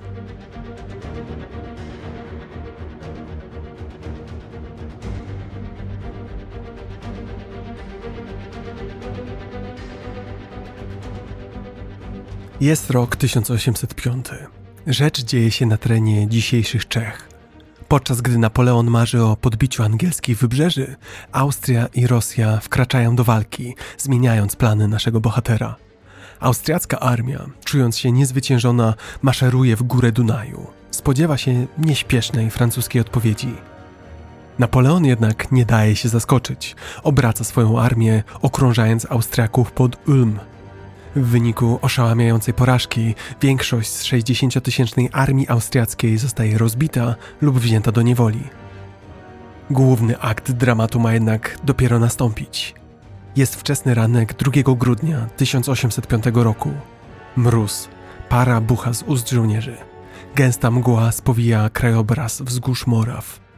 Gdy pierwsze światło świtu przebija się przez mleczne kłęby, ukazuje się nam widok, który trudno ogarnąć wzrokiem – Trzy armie, trzech cesarzy, ponad 150 tysięcy ludzi, wszyscy kierujący się w okolice małego miasteczka w dzisiejszych Czechach, Osterlitz. Francja kontra Austria i Rosja. Rozpoczyna się bitwa trzech cesarzy, bitwa, która ukształtuje bieg historii Europy. Napoleon wystawia przynętę. Bezbronny francuski oddział, pozornie proszący się o atak. Siły rosyjsko-austriackie rzucają się jak ćma do światła. Południowa część pola bitwy zmienia się w pandemonium. Ryk dział, pióropusze dymu, krzyki szarżujących ludzi. Sojusznicy wierzą, że mają przewagę, że lada moment bitwa się skończy. Ale pamiętajmy, moi drodzy, mówimy tu o Napoleonie. W miarę jak sprzymierzeni przerzucają do walki kolejne oddziały, by wykorzystać swoją rzekomą przewagę, nieświadomie osłabiają swoją pozycję na strategicznych wzgórzach prackich. To błąd, na który liczył Napoleon. Gdy słońce wreszcie całkiem rozproszyło poranną mgłę, widzimy dopiero prawdziwy obraz sytuacji. Główne siły francuskie ruszają naprzód, zdobywając kluczowe wzgórza i przecinając serce pozycji alianckich.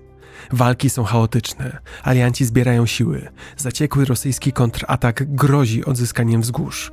Zderzają się bagnety, w powietrzu unosi się dym prochu strzelniczego, a przez chwilę koniec bitwy jest niepewny ale Napoleon precyzyjnie kieruje posiłki tam, gdzie są potrzebne. Pośród tego chaosu dochodzi do dramatycznego starcia. Gwardia Imperium Rosyjskiego kontra ciężka kawaleria Napoleona. Wyobraźcie sobie dwie potęgi, elity ścierające się zaciekle, ale Francuzi korzystają z pozostałych sił i zadają druzgocący cios. Sprawiają, że sprzymierzeni opadają z sił. I wtedy Napoleon mówi: Kończymy ten spektakl. Mając wzgórza prackie pod kontrolą, Francuzi schodzą na południową flankę, gdzie resztki sił sprzymierzonych wciąż toczą intensywne walki. Niczym imadło Napoleon ściska ich z obu stron. Sprzymierzeni, otoczeni i przytłoczeni padają. Podczas odwrotu wielu zdesperowanych żołnierzy przedziera się przez zamarznięte wody, a cienki lód pęka pod ciężarem ludzi i artylerii. Mrożący krew w żyłach epilog tak gorącej bitwy. Austria skapitulowała w ciągu kilku dni, podpisując traktat w Presburgu. Traktat ten nakładał na nią znaczne ustępstwa terytorialne i odszkodowania. Rosja zaś, z nadszarpniętą dumą i poturbowanymi siłami, wycofała się. Gdy kurz po Austerlitz opadł, dla wszystkich jasne było jedno: to nie była zwykła bitwa, to był mistrzowski kurs sztuki militarnej. Teraz zaś pora na kolejny epizod Jena i Auerstedt.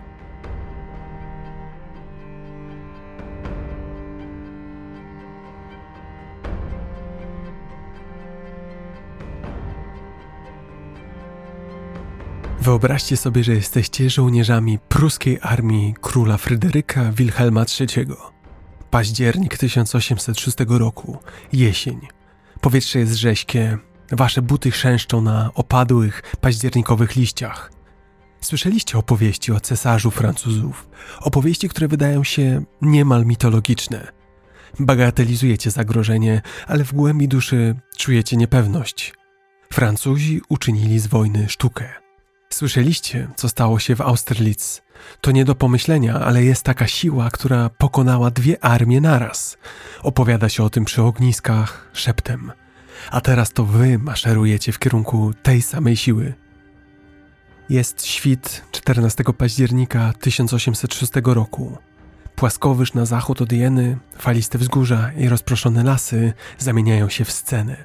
Siły francuskie liczące 96 tysięcy żołnierzy zajmują pozycje. Pod nimi armia pruska, około 40 tysięcy żołnierzy, potężna siła starej Europy, stoi w gotowości. Napięcie jest wszechobecne. Zewsząd słychać zaciskanie skórzanych rękawic, odpinanie szabli, szepty modlitw i głęboki, zbiorowy wdech przed burzą.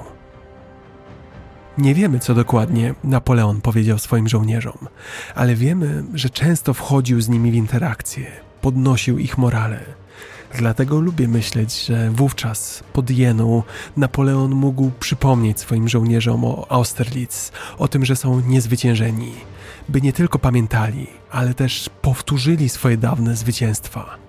Żołnierze, pruskie widmo jest tylko cieniem przeszłości, mógł obwieścić, przedstawiając nadchodzącą bitwę jako kolejną nutę w ich wielkiej, wspólnej symfonii. Bitwa rozpoczyna się rykiem dział. Niczym bębny w orkiestrze nadają one rytm walce. Prusacy ze swoimi powolnymi i rozważnymi ruchami wydają się być starym, odchodzącym światem, który desperacko próbuje nadgonić Francję. W przeciwieństwie do nich Francuzi, szybcy i skoordynowani, są jak zew nowej ery.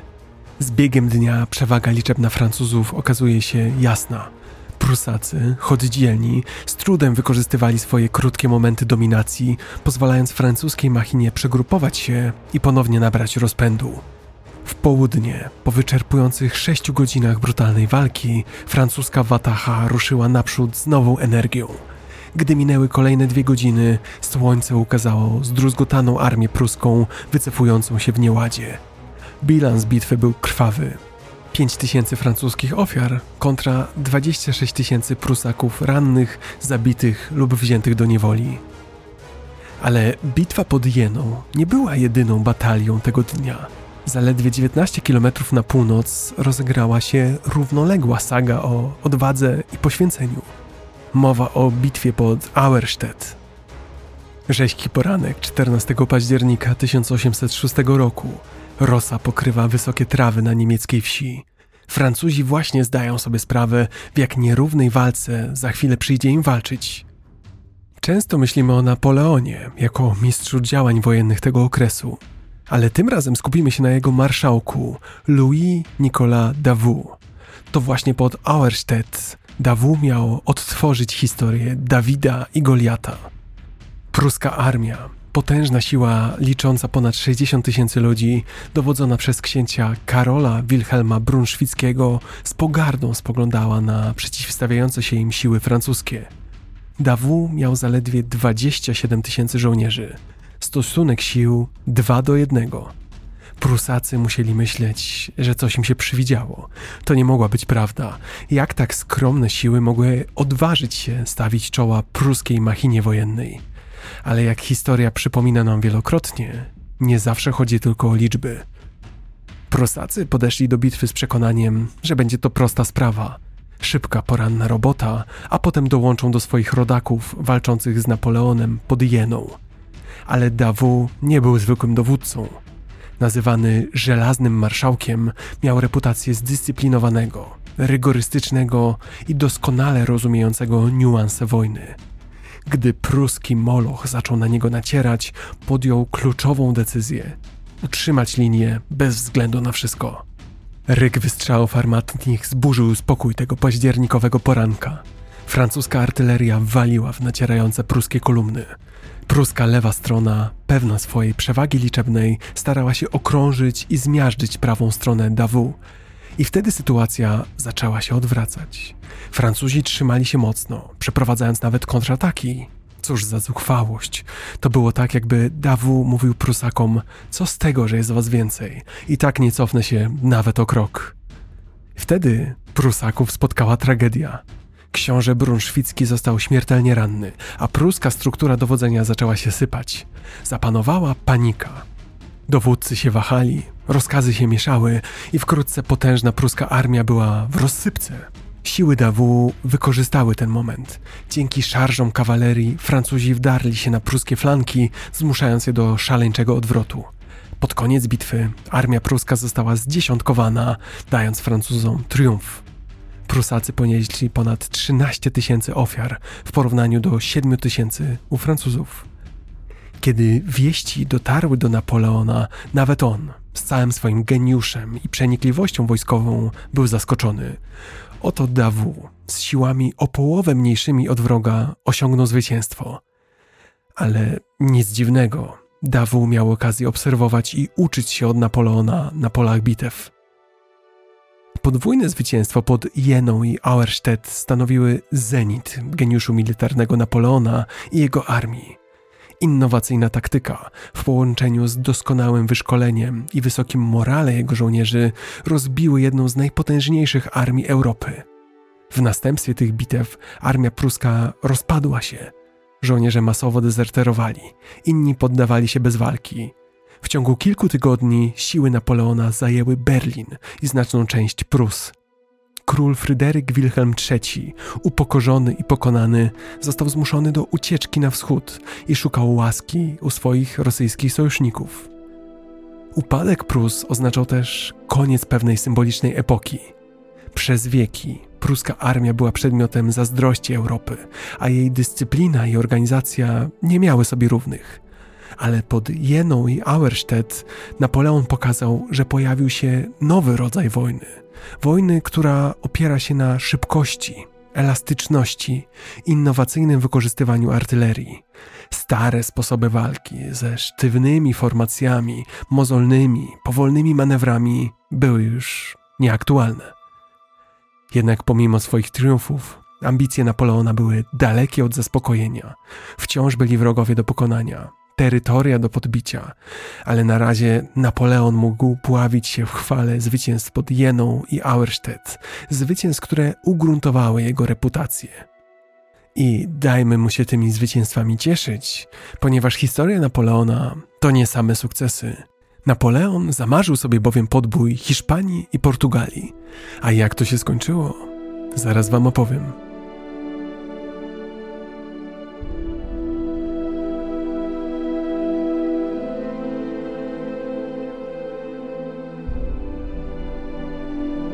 Rok 1807.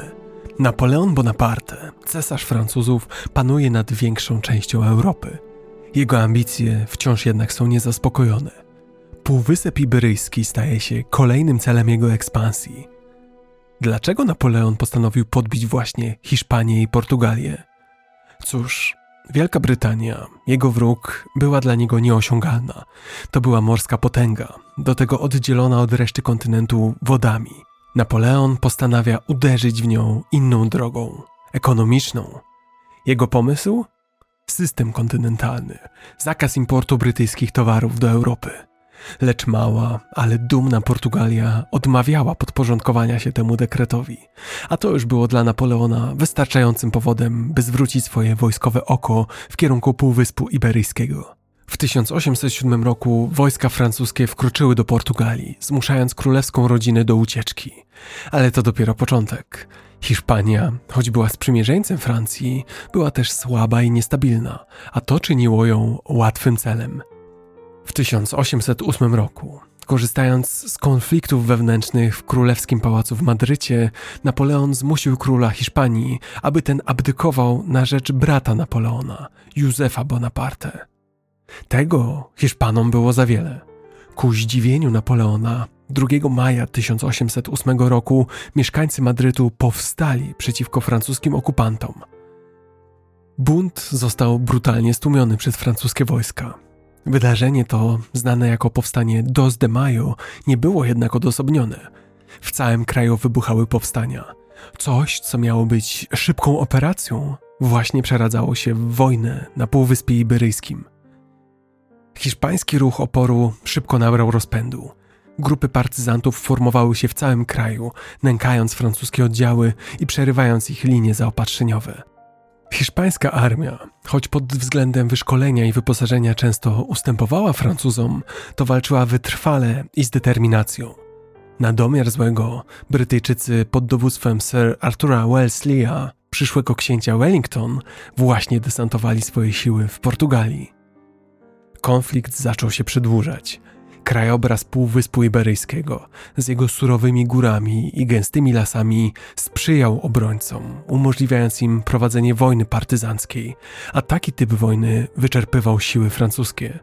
Z kolei Brytyjczycy okazali się trudnymi przeciwnikami.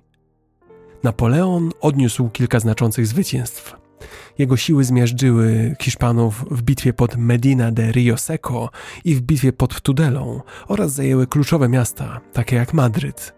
Ale w 1809 roku sytuacja zaczęła się pogarszać. Brytyjczycy przegrupowali siły i rozpoczęli nową ofensywę.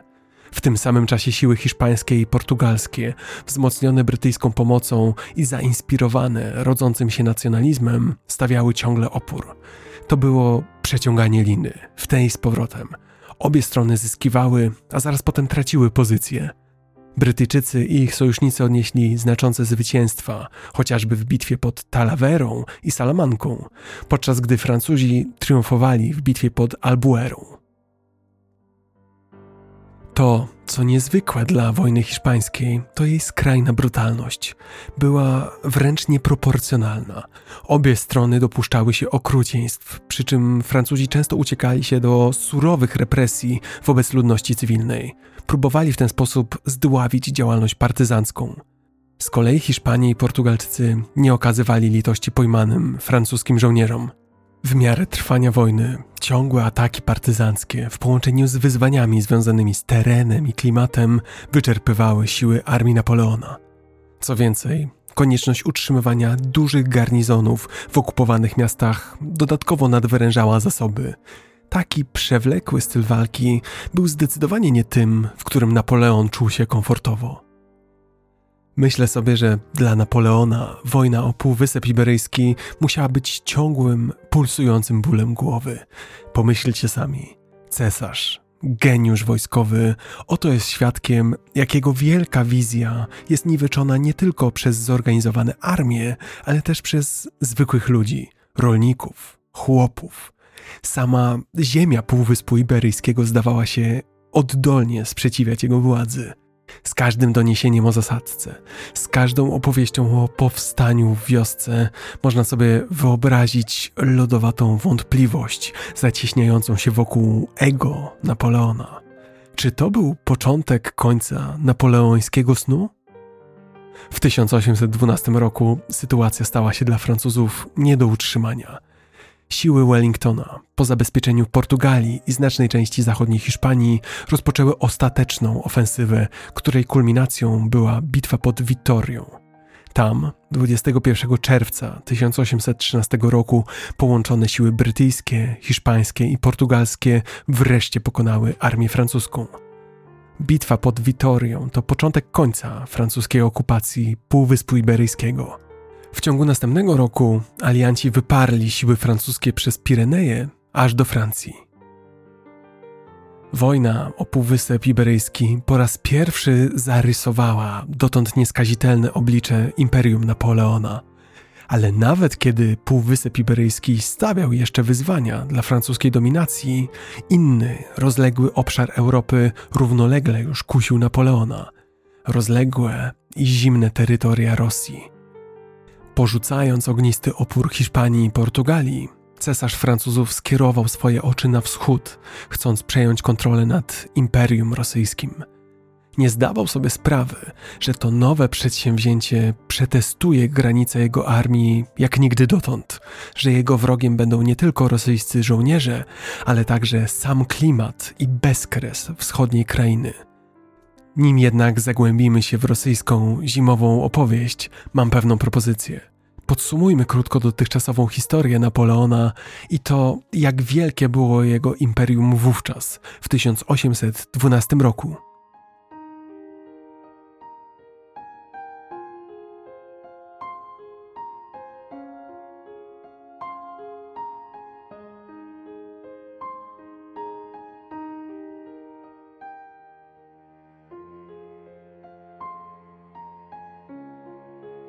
Przed nami świat u progu XIX wieku.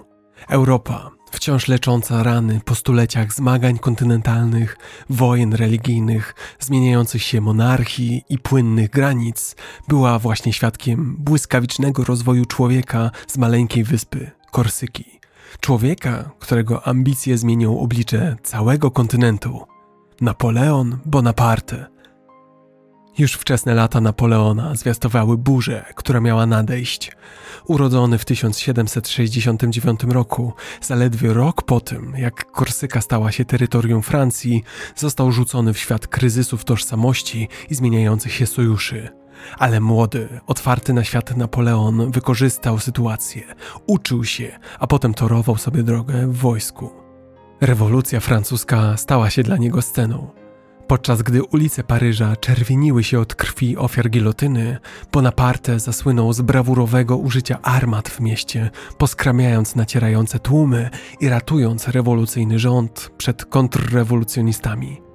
Dalej wyruszył w kampanię we Włoszech i Egipcie, gdzie udowodnił swój geniusz wojskowy. Kiedy rewolucja chyliła się ku upadkowi, a Republika Francuska znalazła się w niebezpieczeństwie, sięgnął po władzę jako pierwszy konsul – było to po zamachu stanu w 1799 roku.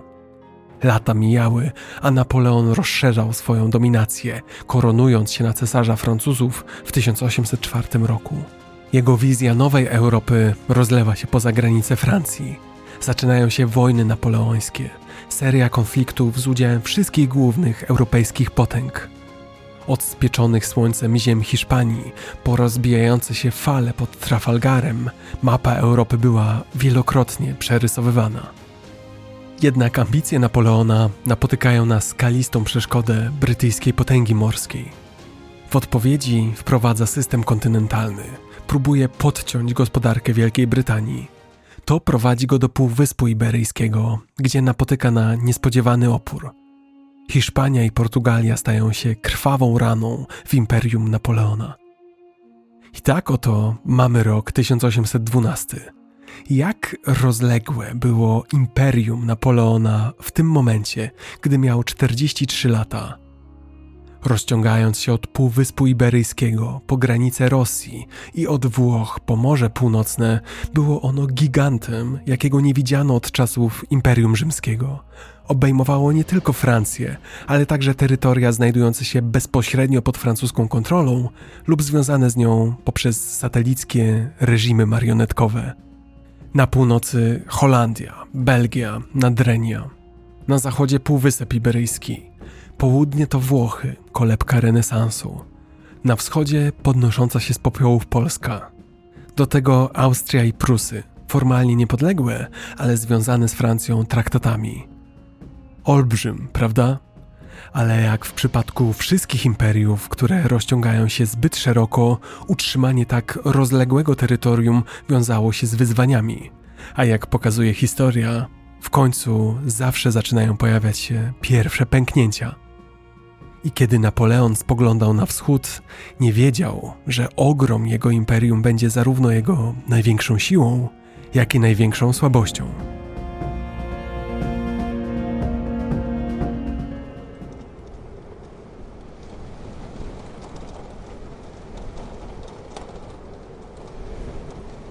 Historia Napoleona Bonaparte to opowieść o triumfie wbrew przeciwnościom. O człowieku, który dzięki połączeniu charyzmy, geniuszu wojskowego i przenikliwości politycznej wspiął się na najwyższe szczeble władzy. Ale jak w przypadku wszystkich wielkich historii, taki tu nieuchronnie zbliża się upadek. Upadek bardziej wymowny niż sama droga na szczyt. Napoleon po podbiciu znacznej części kontynentu skupił swoją uwagę na Rosji, rozległej krainie stepów i carów. Co skłoniło go do zapuszczenia się głęboko w serce lądu zimowego gniewu? Cóż, jak wiele opowieści, ta również zaczyna się od sporu. System kontynentalny, blokada wymyślona przez Napoleona, aby sparaliżować brytyjski handel. Ale Rosja była coraz bardziej niechętna do jej przestrzegania, a Napoleon znany z wielu cech, ale nie ze swojej cierpliwości, odebrał to jako zniewagę i postanowił zareagować adekwatnie. Kiedy nadeszło lato 1812 roku, Napoleon wyruszył na czele największej armii, jaką kiedykolwiek widziała Europa. 600 tysięcy żołnierzy rozpoczęło marsz w kierunku Moskwy. Wyobraźmy to sobie, ponad półmilionowe morze ludzi, rozciągające się jak okiem sięgnąć po horyzont. Krok za krokiem, kilometr za kilometrem, w akompaniamencie huku armat i uderzeń wojskowych bębnów, Napoleon wgryzał się w rosyjską ziemię. Jednak Rosjanie stosowali taktykę tak starą, jak terytorium, które zamieszkiwali taktykę spalonej ziemi. Wycofywali się, ale paląc swoje uprawy i miasta, nie zostawiając dla postępujących Francuzów żadnego schronienia, żadnych zapasów, jedzenia czy picia, jedynie dogasające zgliszcza. A potem nastąpiła bitwa pod Borodino. 7 września 1812 roku. Rozległe, jałowe rosyjskie stepy, horyzont malowany blaskiem świtu. Tego dnia dwóch tytanów zmierzyło się w bitwie, która przeszła do historii jako najkrwawsza w karierze Napoleona i zarazem punkt kulminacyjny inwazji na Rosję. Napoleon musiał stawić czoła bezwzględnemu rosyjskiemu dowódcy, Michaiłowi Kutuzowowi, Obie armie, liczące w tym starciu łącznie ponad ćwierć miliona dusz, są gotowe na rzeź. Ogień armatni grzmi, ziemia trzęsie się pod nogami, a francuska Grand Armée przepuszcza szturm za szturmem na rosyjskie reduty. Krew leje się obficie, pole bitwy jest usłane poległymi, dzielni młodzieńcy złożeni w ofierze bogom wojny. Do zachodu słońca żadna ze stron nie mogła mówić o decydującym zwycięstwie. Cena tego spotkania? Francuzi przeszło 40 tysięcy zabitych, Rosjanie prawie 60 tysięcy. Tak, teoretycznie Napoleon wygrał, a Rosjanie cofnęli się, zostawiając Moskwę bezbronną. Ale to, co Francuzów czekało, nie było wielką nagrodą, ale miastem duchów. Rosjanie w akcie czystego buntu poświęcili i spalili swoje ukochane miasto. Napoleon, spodziewając się uroczystej kapitulacji, Zastał jedynie tlące się ruiny. Mimo to czekał. Przecież Rosjanie musieli lada moment się poddać. Przecież wiedzieli, że nie mają szans, że kapitulacja to jedyne, co im pozostało. Dni zamieniły się w tygodnie, ale wielka rosyjska kapitulacja, na którą liczył, nigdy nie nadeszła. Do Napoleona dotarła prawda, której nie potrafił zaakceptować. Spalenie Moskwy zostawiło armię Napoleona w obliczu nadchodzącej surowej zimy bez zimowych kwater, bez zapasów i bez schronienia. Z rosyjską armią ignorującą propozycję zakończenia wojny, z bardzo długą linią zaopatrzenia, która była nieustannie atakowana przez rosyjską partyzantkę, z wyczerpanymi, zdemotywowanymi żołnierzami. Napoleon nie miał innego wyjścia, jak tylko zarządzić odwrót do Francji.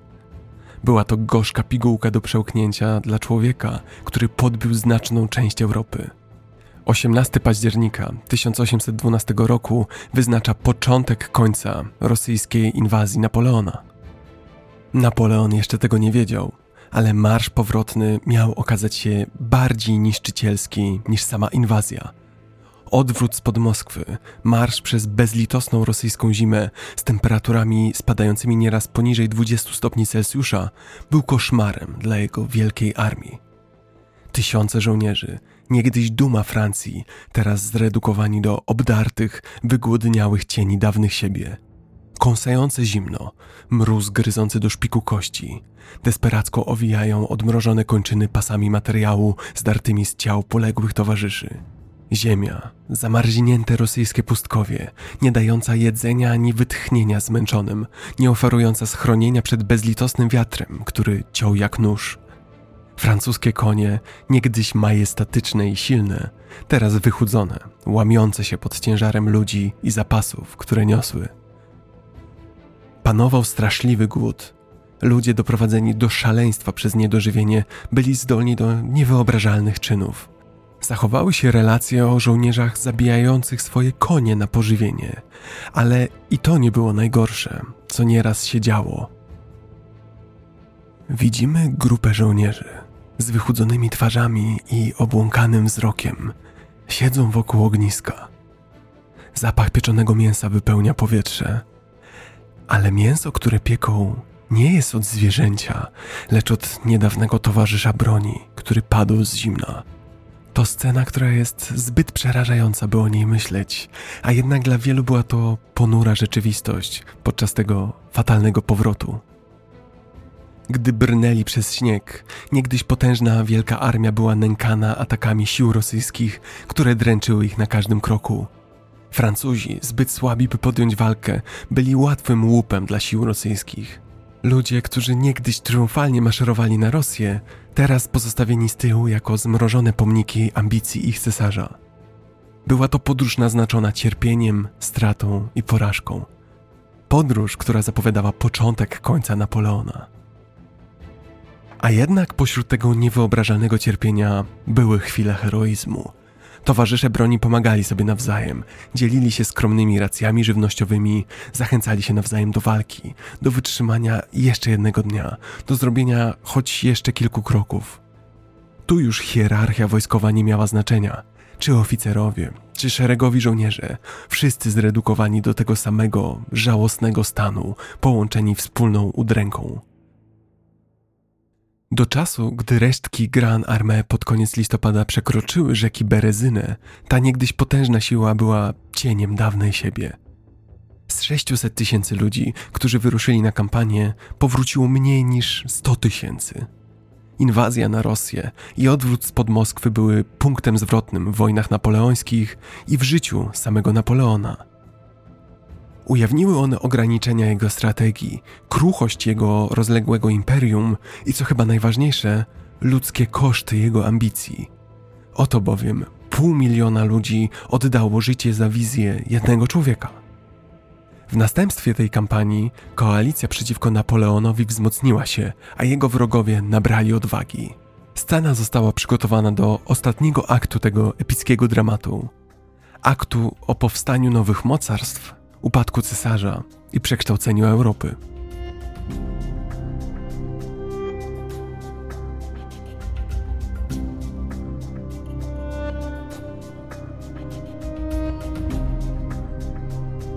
Niektórzy mówią, że historię piszą zwycięzcy. Ja się z tym, jak wiecie, nie zgadzam. Zamiast tego myślę, że historia jest pisana przez momenty, migawki w czasie, kiedy bieg wydarzeń zmienia się o 180 stopni. Chwile przełomowe, do których wraca się raz po raz, przez dekady. Taka chwila właśnie nadchodzi. Przed nami mozaika, gdzie każda płytka to żołnierz, a każdy kolor to naród. Tak wyglądała bitwa pod Lipskiem.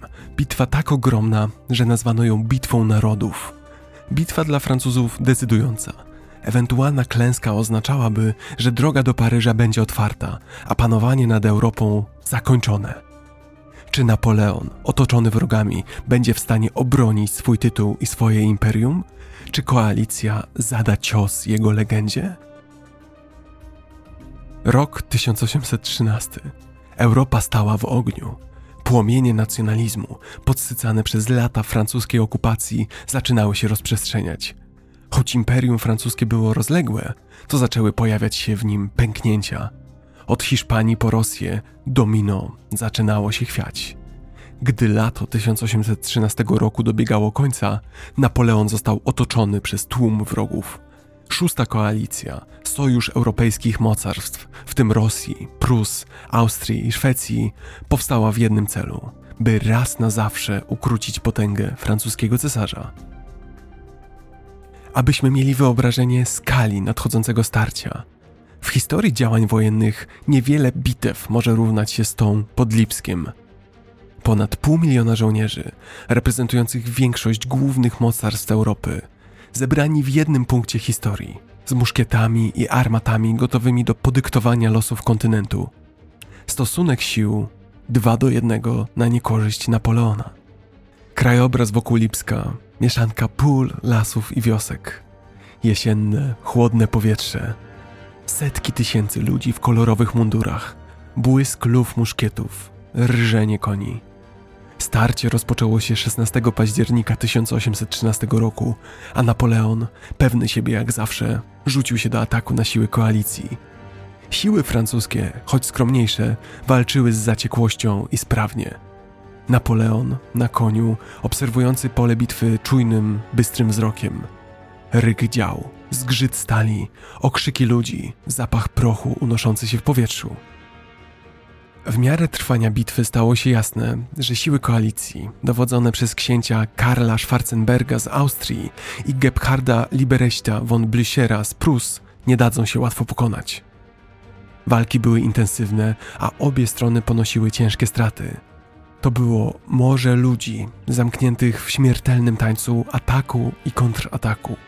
Ziemia mielona w błoto przez tratujące ją stopy i koła armat. Ranni, leżący w agonii tam, gdzie padli, ich wołania o pomoc ginące w bitewnym zgiełku. Drugiego dnia bitwy siły koalicji przypuściły serię ataków na francuskie pozycje. Napoleon zdołał odeprzeć te ataki, ale było jasne, że szala przechyla się na jego niekorzyść. Sama przewaga liczebna zaczynała być koszmarem dla sił francuskich. Gdy nastał trzeci dzień bitwy, Napoleon otrzymał fatalne wieści. Oddziały saskie, które walczyły po stronie Francuzów, przeszły na stronę koalicji. Był to cios, który jeszcze bardziej osłabił jego już i tak nadwyrężone siły. Ostatniego dnia bitwy, 19 października, przeważające siły koalicji przypuściły zmasowany atak na pozycje francuskie. Napoleon, zdając sobie sprawę, że sytuacja jest beznadziejna, że wrogów jest po prostu zbyt dużo, zarządził odwrót. To scena, która dotąd była nie do pomyślenia. Francuzi, niegdyś panowie Europy, teraz w pełnym odwrocie. Siły koalicji, triumfalnie ścigające ich z niesłabnącą determinacją. Odwrót zamienił się w chaos, a wojska francuskie poniosły ciężkie straty. Bitwa pod Lipskiem, bitwa narodów, to początek końca Napoleona, początek końca postaci, która dominowała na kontynencie przez tak długi czas. To też zmiana w równowadze sił w Europie. Napoleon, którego marzenia o europejskiej dominacji legły w gruzach, zdołał uciec z powrotem do Francji. Jednak bilans był bezlitosny. Bitwa Narodów oznaczała koniec władzy Napoleona na terenach niemieckich i przygotowała grunt pod inwazję sił koalicji na Francję. Ależ historia potrafi być nieprzewidywalna, prawda? Napoleon, niegdyś władca Europy, pokonany przez kombinację pychy, błędnych kalkulacji i determinacji swoich wrogów. Myślę sobie, że bitwa pod Lipskiem to przypomnienie o nieuchronności końca hegemonii jednego człowieka nad kontynentem.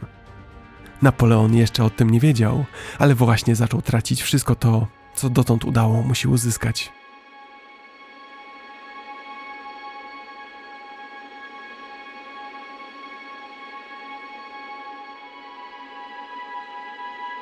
Traktat z Fontainebleau. Układ, który oficjalnie oznaczał koniec pewnej epoki, koniec rządów Napoleona Bonaparte jako cesarza Francuzów. Jest kwiecień 1814 roku. Wielki pałac Fontainebleau, zaledwie 55 km na południowy wschód od Paryża. Napoleon, niegdyś potężny władca, który rzucił na kolana niemal cały kontynent, teraz stoi pokonany, cień dawnego siebie. Jego wielka armia, postrach Europy, zdziesiątkowana po katastrofalnej kampanii rosyjskiej i kolejnych bitwach z siłami szóstej koalicji. Napoleon zawsze był hazardzistą, ryzykantem, ale w 1814 roku los w końcu go dopadł. Siły koalicji wkroczyły do Paryża pod koniec marca. Nawet jego najbliżsi generałowie, zdając sobie sprawę z beznadziejności sytuacji, namawiali go do abdykacji. I tak oto 6 kwietnia 1814 roku Napoleon zrzekł się tronu na rzecz swojego syna, Napoleona II. Ale aliantów to nie zadowoliło.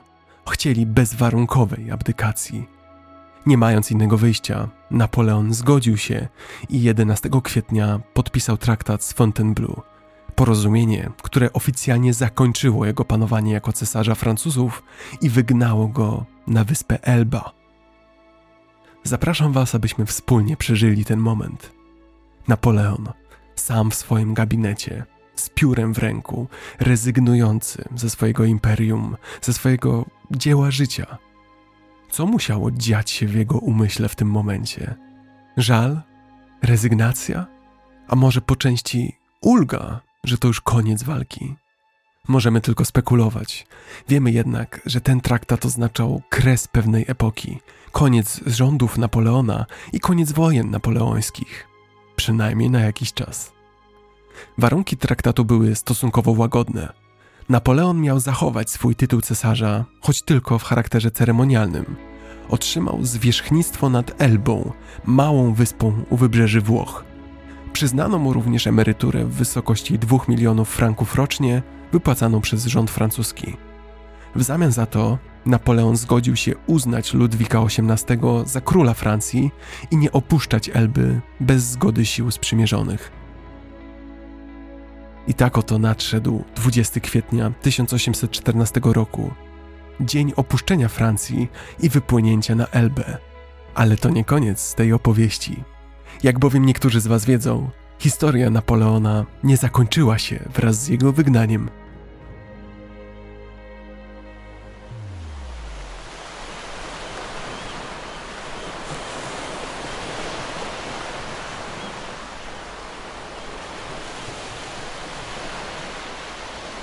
I tak oto Napoleon przybywa na Elbę.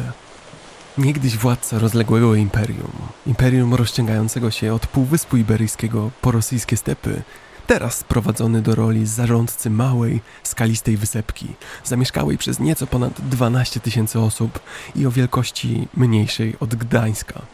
Lecz to właśnie podczas tego okresu wygnania złożoność charakteru Napoleona ukazuje nam się w pełni. Elba, ze swoją surową linią brzegową i górzystym krajobrazem, była daleka od majestatu Paryża czy pól bitewnych Europy. Napoleon postanowił jednak jak najlepiej wykorzystać swoją sytuację. Z zapałem podjął się roli zarządcy, wdrażając szereg zmian mających na celu poprawę życia mieszkańców wyspy.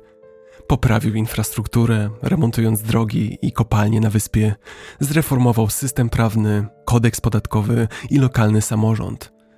Próbował nawet ożywić gospodarkę wyspy, promując lokalne gałęzie przemysłu, takie jak rybołówstwo, produkcja wina i wydobycie żelaza. To fascynujące tak patrzeć, jak Napoleon, człowiek, który kiedyś decydował o losach Europy, teraz zajmował się drobiazgami związanymi z małą wyspą. Czy to był dla niego sposób na zachowanie pozorów władzy, którą kiedyś sprawował? Zajęcie, które pozwoliłoby mu uniknąć nudy i frustracji związanej z wygnaniem? A może prawdziwe pragnienie poprawy życia swoich nowych poddanych? Podobnie jak w przypadku wielu innych aspektów życia Napoleona, tak i tutaj odpowiedź jest prawdopodobnie mieszanką wszystkich tych trzech rzeczy. Oprócz obowiązków administracyjnych, Napoleon utrzymywał również mały dwór na Elbie, otaczając się grupą lojalnych zwolenników, którzy towarzyszyli mu na wygnaniu. Mieszkał w skromnej willi w mieście Portoferraio, którą odnowił i rozbudował. Utrzymywał też niewielkie siły wojskowe, składające się z około tysiąca ludzi, z których wielu było weteranami jego kampanii. Pomimo stosunkowo wygodnego życia na wygnaniu, było jasne, że Napoleon nie był zadowolony ze swojego losu. Doskonale orientował się w sytuacji politycznej we Francji i Europie. Korzystał z sieci informatorów, którzy na bieżąco informowali go o wydarzeniach na kontynencie. Monarchia Bourbonów, przywrócona do władzy po abdykacji Napoleona, była niepopularna wśród wielu Francuzów. A sojusznicy, którzy pokonali Napoleona i zmusili go do abdykacji, teraz kłócili się między sobą o łupy wojenne. Napoleon dostrzegł okazję. Po niespełna roku spędzonym na Elbie podjął brzemienną w skutkach decyzję o ucieczce i powrocie do Francji. Z niewielkim oddziałem lojalnych żołnierzy wylądował na francuskim wybrzeżu. Było to 1 marca 1815 roku. Napoleon rozpoczął podróż do Paryża. Przed nami słynne 100 dni Napoleona, historia Feniksa odradzającego się z popiołów.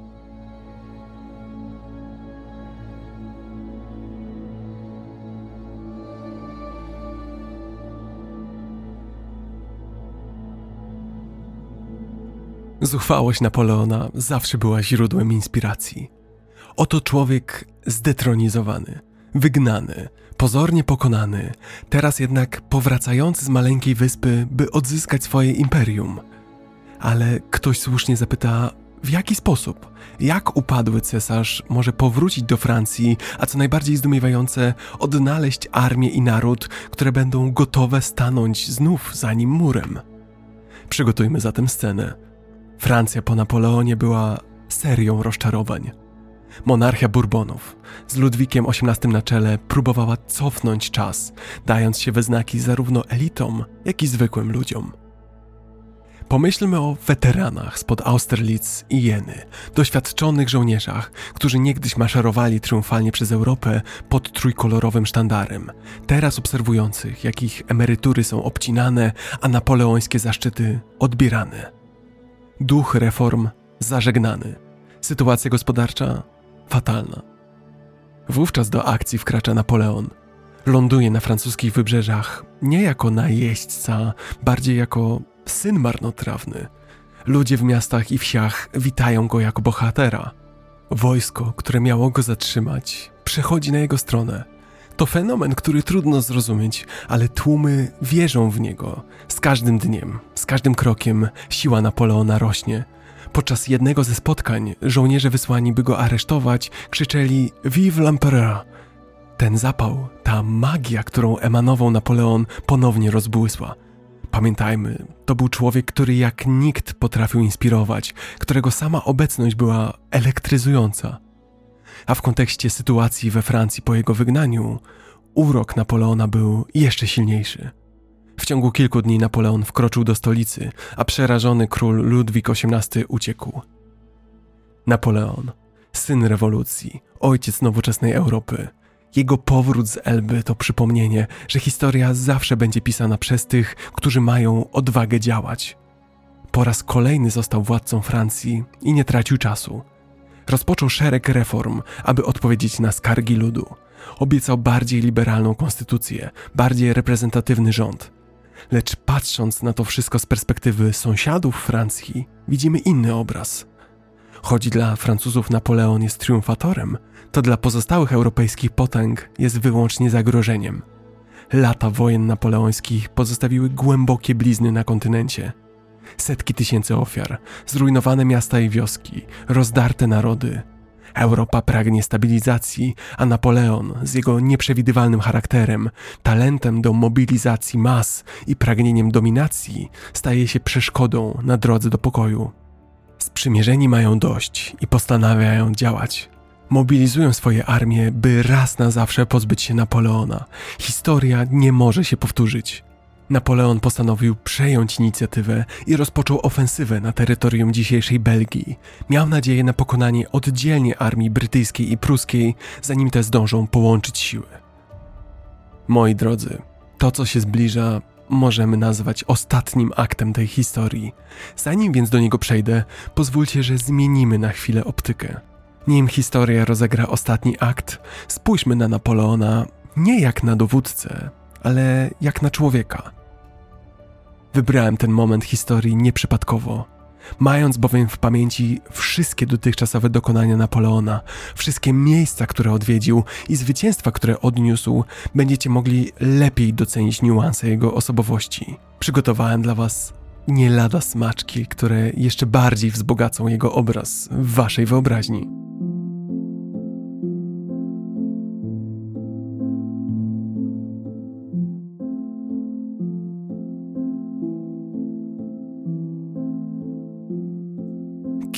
Naprawdę był Napoleon? Poza podbojami, strategiami i budowaniem imperium, kim był w zakamarkach swojej osobowości? Zajrzyjmy w duszę tego historycznego tytana. Od samego początku złożoność charakteru Napoleona jest oczywista. Był nie tylko geniuszem wojskowym, ale także produktem oświecenia. Uwielbiał czytać, a jego wczesne lata upłynęły pod wpływem takich autorów jak Rousseau i Voltaire. Oto człowiek, który rano potrafił poprowadzić szarże, a nocą dyskutować o zawiłościach filozofii. To połączenie intelektualisty z wojownikiem stanowi pierwszą warstwę naszej eksploracji. Ale zawiłości się tutaj nie kończą. Listy i korespondencja Napoleona ujawniają głęboko zakorzenione poczucie nieprzypadkowości jego losu. Napoleon wierzył w przeznaczoną mu ścieżkę wielkości w listach często pisał o tej sile przewodniej, która według niego wyznaczała jego kurs. Chociaż można by to uznać za zwykłą arogancję, to dla niego była to autentyczna wiara, kamień węgielny jego działań. Możemy spekulować, że ta niezachwiana wiara w przeznaczenie doprowadziła go zarówno do spektakularnych sukcesów, jak i dramatycznego upadku. Dalej pojawia się dualizm Napoleona reformator, ale i autokrata. Z jednej strony Napoleon był dzieckiem rewolucji. Ugruntował wiele z jej osiągnięć, stworzył kodeks Napoleona, system prawny, który ma wpływ na orzecznictwo nawet dzisiaj. Był orędownikiem przedkładania zasług nad pochodzenie. Starał się stworzyć społeczeństwo, w którym o wartości decydowałyby osiągnięcia, a nie to, gdzie się urodziliście. Z drugiej jednak strony Zestawmy to z człowiekiem, który ogłosił się cesarzem, ograniczył wolność i rządził żelazną ręką. Ten dualizm dodaje kolejną warstwę do jego osobowości. Jeszcze inny wymiar wyłania się, gdy badamy jego relacje z podwładnymi i współtowarzyszami. Tutaj widzimy lidera z niesamowitą zdolnością do inspirowania. Pełno jest opowieści o jego relacjach z żołnierzami. Zapamiętywał imiona, Pytał o rodziny, dzielił się przeżyciami. To nie było cyniczne, to było prawdziwe. Tworzyło więź, która sprawiała, że legiony były gotowe podążać za nim na krańce Europy. Ale jego relacje z marszałkami i sojusznikami politycznymi były inne, bardziej zniuansowane, naznaczone szacunkiem, zaufaniem, ale także manipulacją. Tu widzimy sprytnego taktyka, szachistę zawsze myślącego kilka ruchów do przodu. Dalej mamy hart ducha Napoleona. To kolejny aspekt, którego nie możemy przeoczyć. Niezależnie od tego, czy to był jego powrót z wygnania na Elbie, czy też jego zdolność do mobilizowania wojsk, nawet gdy szanse były przeciwko niemu, ten człowiek nigdy nie tracił wiary w siebie. Wydaje się, że to właśnie ta odporność, to niegodzenie się z porażką zarówno go zdefiniowały, jak i paradoksalnie doprowadziły do ostatecznej zguby. Ale jest jeszcze jeden aspekt osobowości Napoleona, ten bardziej romantyczny.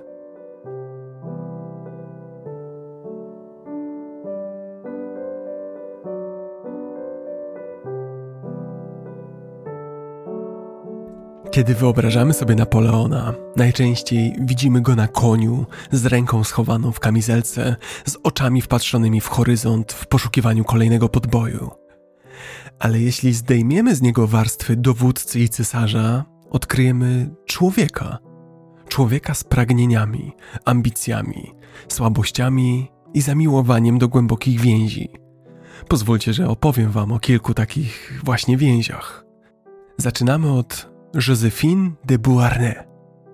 Jeżeli kiedykolwiek istniała historia miłosna, która mogłaby konkurować z tymi mitologicznymi, to byłaby to historia Napoleona i Josephine, czyli Józefiny. Ich listy opowiadają o związku, który płonął z intensywności. Józefina wdowa z dwójką dzieci, początkowo była dla Napoleona tylko środkiem do celu, strategicznym sojusznikiem, by mieć potomka. Ale z czasem stała się centralnym punktem jego uczuć. I naprawdę mam tu na myśli uczucie graniczące z obsesją. Chcecie przykład? Choćby takie słowa z listu Napoleona do Józefiny. Budzę się pełen ciebie. Twój obraz i wspomnienie odurzających przyjemności ostatniej nocy nie dają spokoju moim zmysłom. Albo mam nadzieję, że wkrótce zmiażdżę cię w moich ramionach. Lub też będę sami daleko, daleko stąd, ale ty przybędziesz, prawda? Będziesz tu obok mnie, w moich ramionach, na mojej piersi, na moich ustach. Weź skrzydła i przyleć. Co możecie teraz powiedzieć o Napoleonie? Namiętny? Z pewnością, ale także zaborczy. Historia potrafi być jednak ironiczna. Pomimo ich intensywnej miłości, Józefiny nie mogła dać Napoleonowi dziecka, a w grze o władzę dziedzic rodu był wszystkim. Ich związek spotkał więc smutny koniec.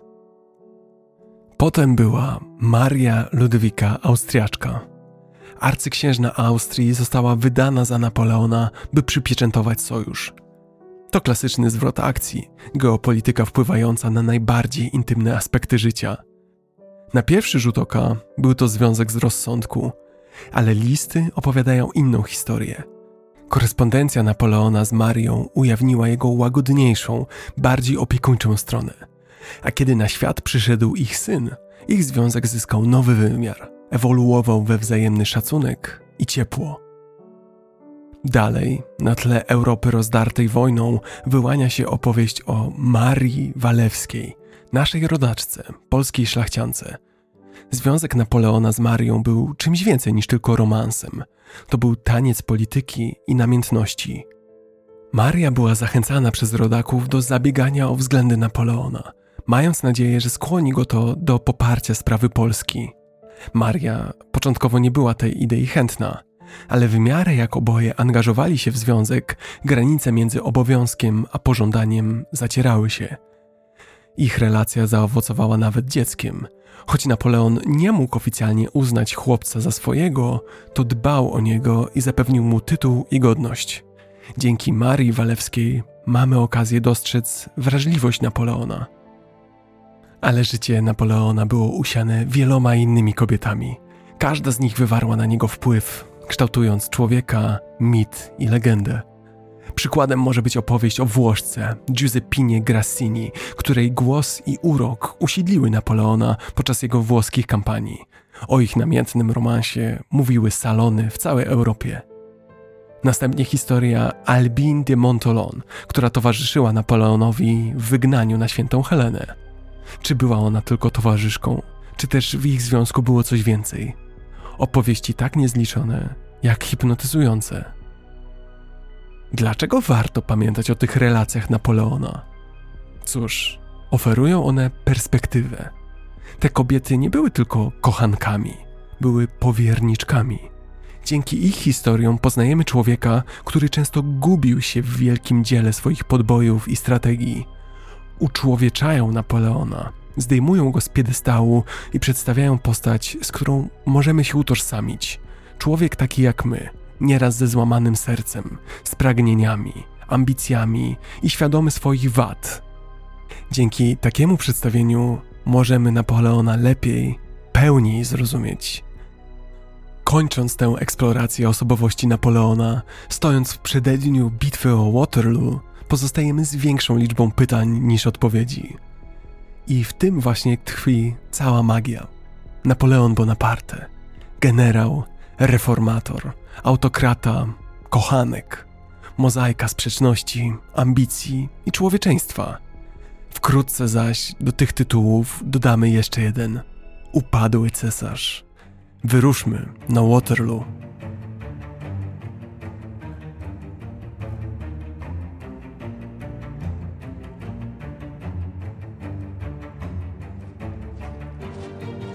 Porannej mgle 18 czerwca 1815 roku czuć było wyczekiwanie i niepokój. Delikatna, wilgotna ziemia belgijskiej prowincji dźwigała ciężar tysięcy butów. Dla żołnierzy ustawiających się na polu bitwy pod Waterloo nadchodzący dzień miał być punktem kulminacyjnym niezliczonych marszów, potyczek i bitew na pełną skalę. Wśród nich Napoleon Bonaparte stał gotowy. Nie wiedział jeszcze, że przygotowuje się do swojej ostatniej w życiu bitwy. Droga, która doprowadziła do tego momentu, była niezwykła. Od wybrzeży Korsyki, przez burzliwe lata rewolucji francuskiej, do szczytu władzy jako cesarz Francuzów, a następnie na wygnanie na wyspie Elba. Przez powrót na tron, aż do teraz, stojąc wobec siódmej koalicji antynapoleońskiej.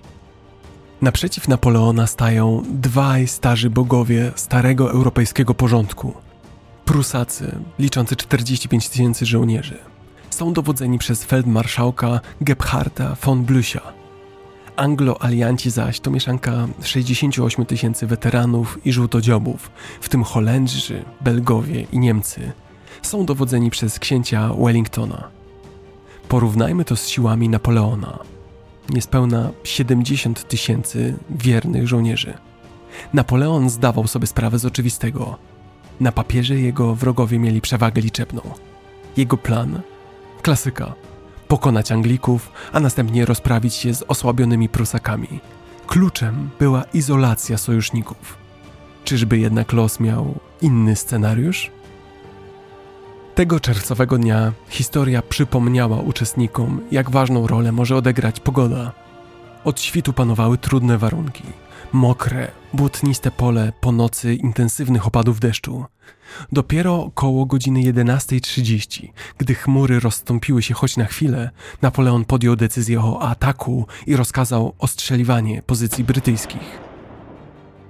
Były to ataki falowe, bez inwencji taktycznej, bez zaskoczenia. Wellington, wytrawny strateg, wykorzystał potencjał obronny terenu, przemyślnie ukrywając swoje oddziały za zabudowaniami i wykorzystując naturalne przeszkody jako punkty oporu. Każda akcja miała swoją reakcję. Gdy natarcie francuskie przyspieszało, wojska koalicji wzmagały opór. Francuskie fale raz po raz rozbijały się o brytyjską linię. Anglicy okazali się trudniejszym przeciwnikiem niż Napoleon przypuszczał. Czas mijał. Pruskie siły przez większą część dnia prowadziły ataki na francuską flankę.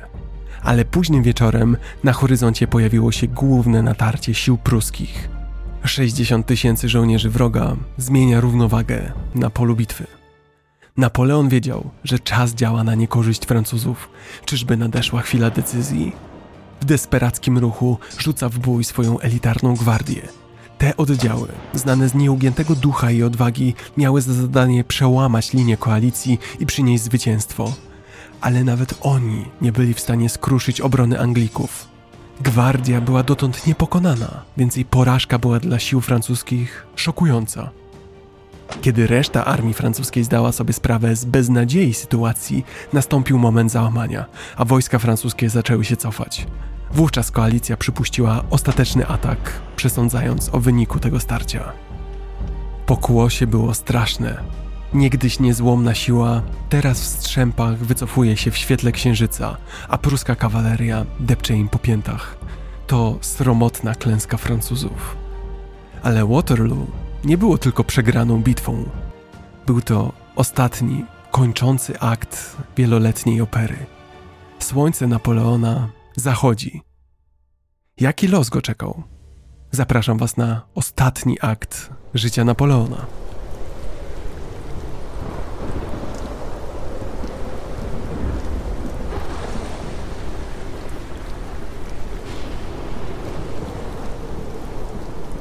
Przed nami zimny ogrom Oceanu Atlantyckiego. Ten akwen, rozciągający się na przestrzeni ponad 106 milionów kilometrów kwadratowych, 10 razy mógłby pomieścić w sobie całą Europę. Gdzieś w tym rozległym błękicie leży maleńka plamka, odległa wyspa, daleko od cywilizacji. Święta Helena. To antyteza Elby. To niełagodne zesłanie. To mrok, w który wysyłano wielkich ludzi, aby o nich zapomniano. To właśnie tutaj pożegnamy Napoleona Bonaparte. Święta Helena nie została wybrana przypadkowo. Ta wyspa, położona prawie 2000 km od najbliższego stałego lądu, a 7000 km od Paryża, była idealnym więzieniem dla człowieka, którego samo imię przyprawiało monarchów od dreszcze. Nie było ryzyka, że stąd Napoleon powróci do władzy. Nie było tu wielkich pałaców, legionów lojalnych żołnierzy, jedynie niekończący się morski horyzont i udręka własnych myśli. Życie Napoleona było dotąd przygodą godną pozazdroszczenia, ale tutaj, na tym skalistym skrawku lądu, był tylko zwykłym skazańcem, a jego imperium zostało zredukowane do kilku pokoi i garstki lojalnych zwolenników. Dni na świętej Helenie były monotonne. Można wręcz wyobrazić sobie Napoleona stojącego przy oknie Longwood House, jego rezydencji na wygnaniu, wpatrującego się w ocean, zagubionego w myślach o swoich dawnych sukcesach i niepowodzeniach.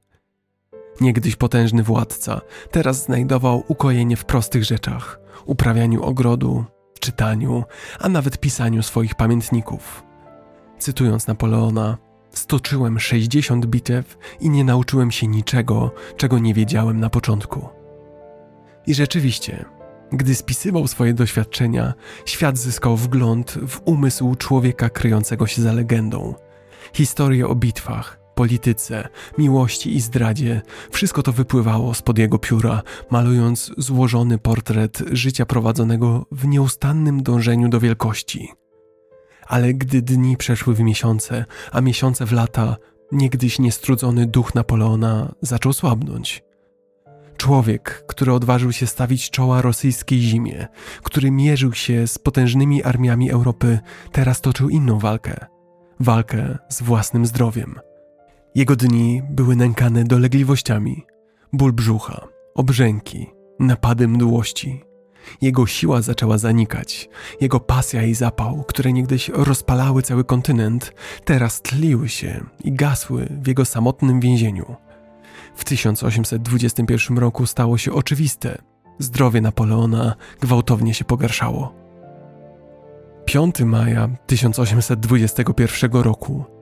Niebo nad środkowym Atlantykiem tego dnia było zachmurzone, jakby natura wyczuwała koniec pewnej ery. Obok leżącego na łóżku Napoleona stało kilku jego najwierniejszych towarzyszy. Twarz cesarza, blada i cierpiąca, ale w jego oczach wciąż iskrzył się ten dawny ogień. Jego oddech był powolny, a każdy wdech i wydech były jak walka z nieuchronnym. W jednym z ostatnich momentów Napoleon spojrzał na swojego starego przyjaciela i szeptem wymamrotał coś, co brzmiało jak Francja, armia, Józefina. Jego trzy miłości, a potem cisza. Serce wielkiego wodza przestało bić, kończąc epokę, która zmieniła oblicze Europy. Cesarz Francji, człowiek, który kiedyś niemal panował nad całym kontynentem, zmarł w wygnaniu, daleko od swojej ukochanej ojczyzny. Ta śmierć przyniosła ze sobą więcej pytań niż odpowiedzi. Oficjalne doniesienia mówiły o raku żołądka, dolegliwości, która dotknęła również ojca Napoleona. Ale zaczęły pojawiać się szepty o innej przyczynie, o nieczystym zagraniu. Istotnie, przez lata toczyły się żmudne debaty. Czy cesarz Francuzów został zamordowany arszenikiem? Niektórzy powołują się na pobrane pośmiertnie próbki włosów, mające wykazywać podwyższony poziom toksycznej substancji. Inni twierdzą, że warunki panujące na świętej Helenie, wilgoć, pleśń, to wszystko mogło przyczynić się do pogorszenia stanu zdrowia cesarza. Ale poza debatami medycznymi i analizami kryminalistycznymi pojawia się poważniejsze pytanie. Czy Europa, która tak ciężko walczyła o jego detronizację, posunęłaby się do takich kroków, do otrucia, aby tylko mieć pewność, że Napoleon nigdy nie powróci? Być może nigdy nie poznamy prawdy o końcu Napoleona, ale w wielkim dziele jego życia święta Helena jest tylko małą, ponurą plamą, przyćmioną przez błyskotliwość jego osiągnięć. Cytując Napoleona, śmierć jest niczym, ale żyć pokonanym to umierać każdego dnia. Myślę sobie, że w historii jego ostatnich dni jest jakieś przejmujące piękno, świadectwo niezłomnego ducha człowieka, który nawet w obliczu przeciwności losu pozostał niezaprzeczalnie, bezsprzecznie sobą, Napoleonem.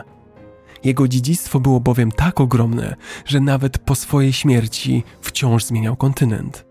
Jak to możliwe? Oto, jak duch Napoleona wciąż unosił się nad Europą.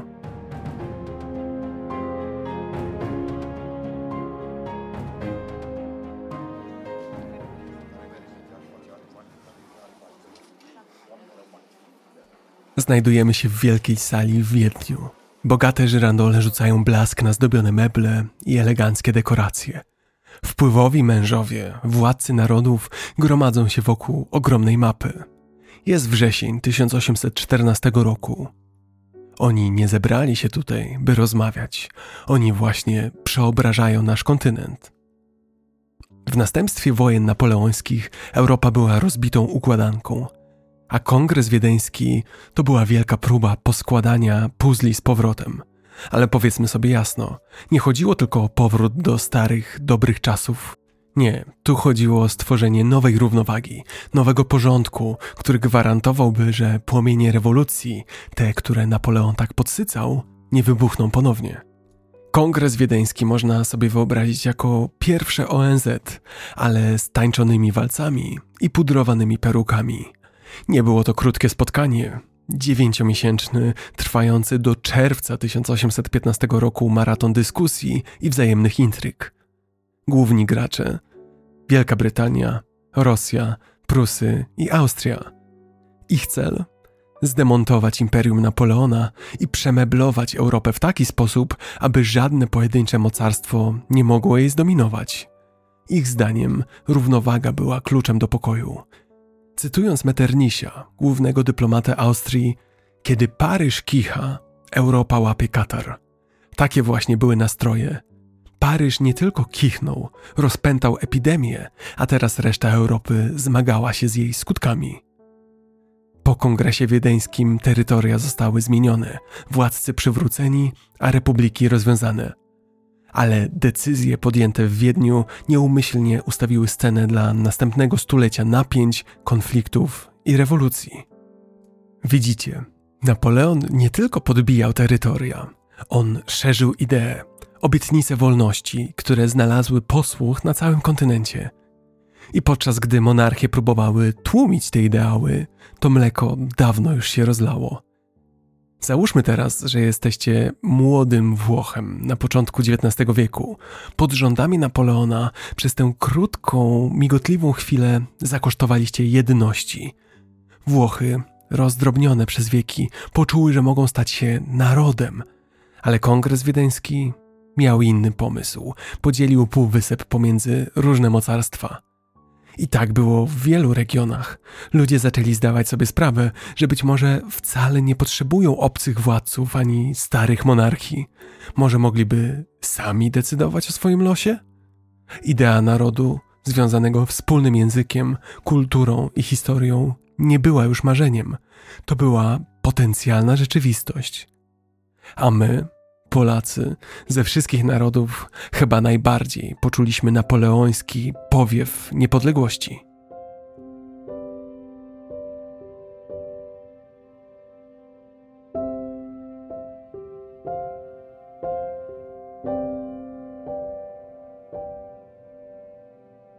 Nasz polski ruch wolnościowy. Fascynujący wątek w sadze epoki napoleońskiej, ale przede wszystkim w naszej polskiej historii. Specjalnie zostawiłem go na oddzielny segment, bo chciałem przez moment skupić się wyłącznie na nim. Wyobraźmy sobie taką sytuację. Jest koniec XVIII wieku, a niegdyś potężna Rzeczpospolita obojga narodów zostaje kawałek po kawałku rozkradziona. Nie raz, nie dwa, ale trzy razy pod rząd jesteśmy rozerwani przez naszych potężniejszych sąsiadów. Rosja, Prusy i Austria – za ich sprawą do 1795 roku Polska zniknęła z mapy Europy. Nasze terytorium pocięte jak tort, naród podporządkowany, kultura stłumiona. Czy zastanawialiście się, co musieli czuć nasi pradziadowie wtedy, na początku XIX wieku? pomyślmy wspólnie. Na pewno utrata, utrata suwerenności, języka, serca przepełnione bólem, tęsknotą za wolnością, za dawnymi czasami Rzeczypospolitej. Ale w tej beznadziejności tliło się coś jeszcze. Iskierka nadziei, niegasnąca wiara w lepsze jutro. Silne pragnienie odzyskania niepodległości pulsowało w ich duszach. Była też gniewna determinacja, by walczyć, by nie pozwolić, aby Polska została zapomniana. Minęła dekada, a Napoleon doszedł do władzy we Francji, ogłaszając się cesarzem i rozpoczynając kampanię podboju Europy. Europa była przerażona, ale dla nas Napoleon Bonaparte to był promyk nadziei.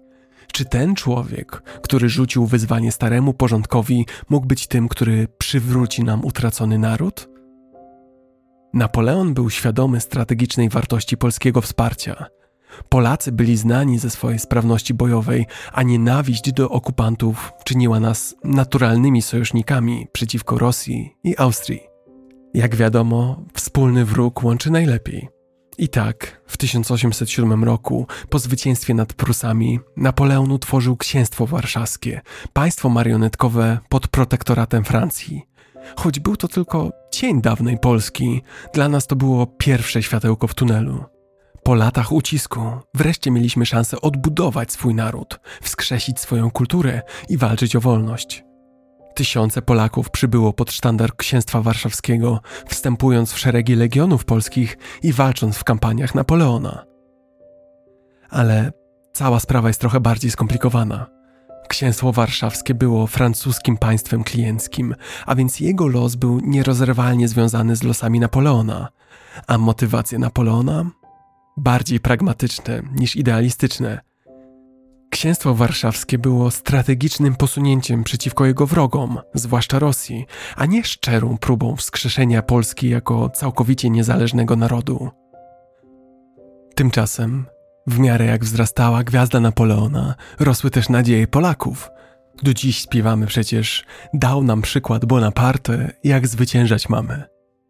W 1812 roku, gdy wielka armia Napoleona pomaszerowała na Rosję, my byliśmy tuż przy nim, walcząc dzielnie w nadziei, że zwycięstwo nad Rosją doprowadzi do pełnego odrodzenia Polski. Ale jak wiecie, ta kampania zakończyła się katastrofą. Brutalna rosyjska zima, połączona z polityką spalonej ziemi prowadzoną przez wycofujące się siły rosyjskie, zdziesiątkowały armię Napoleona. Polacy, podobnie jak reszta wielkiej armii, cierpieli niewyobrażalne trudy podczas wstrząsającego odwrotu spod Moskwy. A potem, w 1813 roku, nadeszła Bitwa Narodów, tytaniczna walka, która zdecydowała o losach Europy. W chaosie pod Lipskiem, pośród ryczących armat i ścierających się armii, wyróżniała się jedna postać książę Józef Poniatowski. Józef Poniatowski, siostrzeniec króla Stanisława Augusta Poniatowskiego, był jednym z najwybitniejszych dowódców wojskowych w Polsce. Poniatowski walczył u boku Napoleona, licząc na przywrócenie niepodległości Polsce. Za jego zasługi na polu bitwy 16 października 1813 roku Napoleon mianował go marszałkiem Francji. To był wielki zaszczyt, tym bardziej, że Poniatowski był jednym z nielicznych obcokrajowców, którzy otrzymali ten tytuł. Wyobraźmy go sobie, jak dowodzi polskimi oddziałami pod Lipskiem, jak uosabia polskie męstwo i determinację. Ale gdy fala odwraca się przeciwko Napoleonowi, los Poniatowskiego przybiera tragiczny obrót. Odmawiając poddania się, książę kończy żywot pośród wzburzonych wód rzeki Elstery. Jego koniec jest przejmującym symbolem poświęcenia dla Polski. Ponoć przed śmiercią Józef Poniatowski powiedział – Bóg mi powierzył honor Polaków, Bogu tylko go oddam. Polacy walczyli bohatersko u boku Bonapartego, ale to nie wystarczyło. Napoleon został pokonany i wygnany, a polskie wojska zostały zmuszone do odwrotu do ojczyzny. Zwycięskie mocarstwa zebrały się na kongresie wiedeńskim, aby na nowo nakreślić mapę Europy. Księstwo warszawskie zostało podzielone między Rosję, Prusy i Austrię. Większa część terytorium Księstwa Warszawskiego stała się Królestwem Polskim, królestwem pod unią personalną z Rosją. To była dla nas gorzka pigułka. Po latach walki, po przelaniu tak wielkiej ilości krwi za swoją wolność, po raz kolejny zostaliśmy podporządkowani swoim sąsiadom. Ale pamiętajcie o jednym: Kongres Wiedeński nie zdołał ugasić płomienia polskiej niepodległości. Zainspirowani krótkim zasmakowaniem wolności, podsycani pamięcią o bohaterskiej walce, wciąż walczyliśmy o swoją niepodległość, organizując serię powstań przeciwko okupantom w ciągu XIX wieku. Ostatecznie odzyskanie niepodległości zajęło nam ponad 100 lat, a droga była długa i krwawa. Jeśli chcecie dowiedzieć się, jak ta walka wyglądała, to w odcinku Europa przed burzą opisuję również polską walkę o niepodległość. A jak ocenić Kongres Wiedeński? Jak patrzeć na Europę po Napoleonie? Z jednej strony Kongres dążył do zbudowania stabilnej Europy, z drugiej nieumyślnie zasiał ziarno przyszłych wstrząsów i wojen. Opracowany przez Wielką Brytanię, Rosję, Austrię i Prusy system polityczny, tzw. Tak koncert mocarstw, przyniósł względny pokój. Był to jednak pokój zbudowany na tłumieniu, tłumieniu rewolucyjnych ideałów, tłumieniu tożsamości narodowych, tłumieniu tych samych sił, które uwolnił Napoleon. Być może więc, jak na ironię, największym dziedzictwem Napoleona nie były jego podboje militarne, ale świat, który po sobie pozostawił. Świat, w którym pojęcia narodowości i samostanowienia zajęły centralne miejsce. Granice zostały wyznaczone na nowo, owszem, ale nie tylko państw.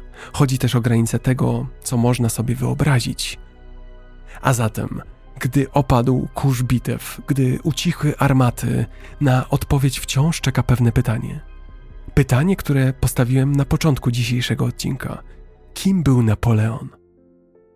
Jeśli tak jak ja, wciąż nie macie wyrobionego zdania, to mam dla Was pewną propozycję.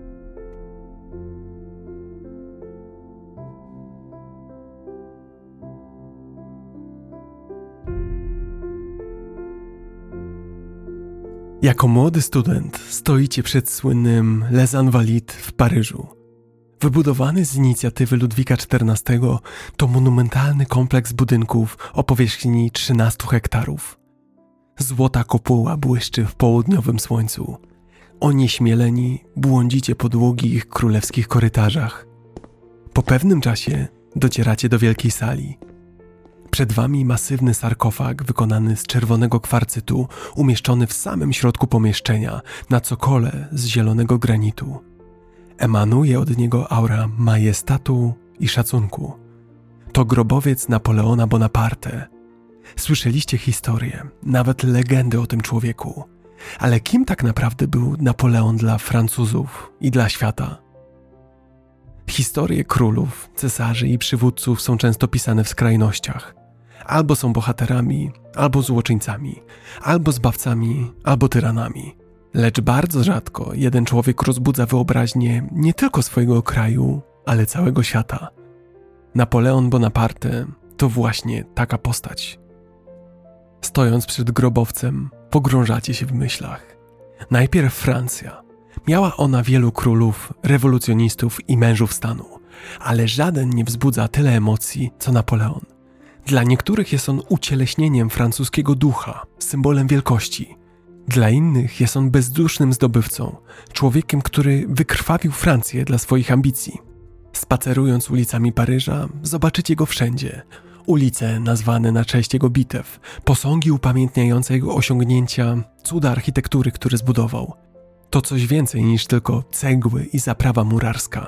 Jest on częścią narodowej tożsamości, francuskiej duszy, tym niemniej nie sposób ocenić go jednoznacznie. Napoleon wziął ideały rewolucji i scalił je w imperium. Zdradził rewolucję, czy ją urzeczywistnił? Przedkładał zasługi nad pochodzenie, a mimo to sam siebie koronował na cesarza. W tej dwoistości tkwi magia Napoleona. I nie chodzi tylko o Francję. Pamięć o Napoleonie rzuca długi cień na wszystkie kontynenty choćby gdy w 1803 roku sprzedał Stanom Zjednoczonym terytorium Luizjany, podwajając tym samym teren dzisiejszego USA, albo Egipt, którego podbój odcisnął trwałe piętno na historii tego kraju, a Polska. Doskonale znamy wpływ Napoleona na nasz ruch niepodległościowy. Istotnie, Od ulic Nowego Orleanu, potętniące życiem uliczki Kairu, od zaśnieżonych pól Rosji, przez nasz polski hymn, dziedzictwo Napoleona wciąż żyje. I kiedy tak dalej patrzycie na grób Napoleona, przypominacie sobie jego taktykę bitewną, jego użycie artylerii, szybkość jego manewrów, jego wielkie strategiczne wizje. Napoleon rozumiał nie tylko taktykę, ale także istotę wojny, duch walki, morale. To wszystko napędza ludzi do zwycięstwa albo skazuje ich na porażkę. Potem przypominacie sobie, że Napoleon miał też swoją osobistą stronę Pamiętał imiona i twarze tysięcy swoich żołnierzy. Mnóstwo jest opowieści o rannych, wołających jego imię na polu bitwy. Był dla nich ucieleśnieniem chwały, honoru i francuskiego ducha. To też człowiek, który potrafił dyskutować o sztuce, nauce i kulturze z taką samą energią, jaką okazywał na naradach wojennych. Jego korespondencja z ukochaną Józefiną pokazuje nam wrażliwą stronę, ujawnia zakres emocji, które mógł skrywać. Ale gdy spojrzymy na paryskie salony, obraz się zmienia. Intelektualiści, elita byli podzieleni. Dla niektórych z nich Napoleon był renegatem, który złamał odwieczne struktury władzy. Dla innych był uosobieniem oświecenia, żywym świadectwem tego, co mógł osiągnąć jeden człowiek. W korytarzach władzy zaś był znany z humoru i żartów, wnosząc nieoczekiwaną lekkość do ponurych gabinetów. Ogółem zaś był to przywódca, którego definiowało nie tylko pragnienie podboju, ale także autentyczna ciekawość świata, głód wiedzy, który był równie nienasycony jak jego głód terytorium. Po drugiej stronie kanału La Manche, w Anglii, Napoleon był postrachem, zagrożeniem, które czaiło się zawsze gotowe do ataku. Ale nawet tam dało się wyczuć niechętny, ale jednak podziw. Wróg to prawda, ale wróg godzien szacunku. A potem była reszta Europy, podbite ziemie, podporządkowane terytoria. Dla nich Napoleon był ciemiężycielem oraz wyzwolicielem, często jednocześnie. Gdy tak spacerujecie zamyśleni wokół grobowca Napoleona, uświadamiacie sobie, że być może jego prawdziwe, namacalne dziedzictwo jest urzędowe, administracyjne. Administracyjne? Zapytacie? Owszem, Imperia się rozpadają, granice zmieniają, ale idee, raz ukorzenione, trwają latami. Kodeks Napoleona rozprzestrzenił się na wszystkie kontynenty. Wpłynął na systemy prawne od wybrzeży Europy po pustynię Bliskiego Wschodu. Było to coś więcej niż tylko prawo. Było to ponowne przemyślenie społeczeństwa, relacji między obywatelem a państwem. Cytując Napoleona, moją prawdziwą chwałą nie jest wygranie 40 bitew, Waterloo wymarzy pamięć o tak wielu zwycięstwach, ale to, co będzie żyć wiecznie, to mój kodeks cywilny. I być może wcale się w tym nie mylił. Wreszcie, jak moglibyśmy zapomnieć o kulturze? Sztuka, literatura, sama esencja romantyzmu była zabarwiona epoką napoleońską. Beethoven, Goethe, Tolstoj, ich dzieła to obrazy tej właśnie epoki. Spójrzmy na Wojnę i Pokój Tolstoja, Ramy tej powieści, rozgrywającej się na tle wojen napoleońskich, malują żywy obraz tamtych czasów. I kiedy słońce zachodzi nad budynkami Les Invalides, rzucając długie cienie na brukowane ulice Paryża, my wciąż pozostajemy z pytaniem, kim był Napoleon? Bohaterem? Złoczyńcą? Czy kimś bardziej złożonym? Był człowiekiem swojej epoki, ale jednocześnie wykraczał poza nią był synem rewolucji, ale stworzył imperium. Był postrachem monarchii, ale nosił koronę. Na tym właśnie polega enigma Napoleona. Dlatego nie mam dla Was jednej dobrej odpowiedzi, kim był Napoleon. Mam za to krótką refleksję. Kiedy zastanawiam się nad Napoleonem, zdaję sobie sprawę z jednego. To nie opowieść o polityce, bitwach czy kodeksach. To opowieść o idei o idei, że jeden człowiek może zmienić cały świat.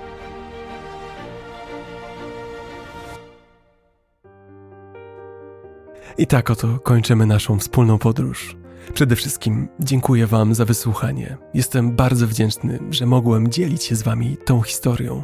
Jeśli doceniacie to, co robię i chcielibyście dorzucić swoją cegiełkę do mojej historycznej pasji, zapraszam Was na stronę patronite.pl łamane na podcast historyczny. To właśnie dzięki Waszemu wsparciu jestem w stanie kontynuować to, co robię. To szczególnie ważne teraz, kiedy podcast stał się moim pełnoetatowym zajęciem.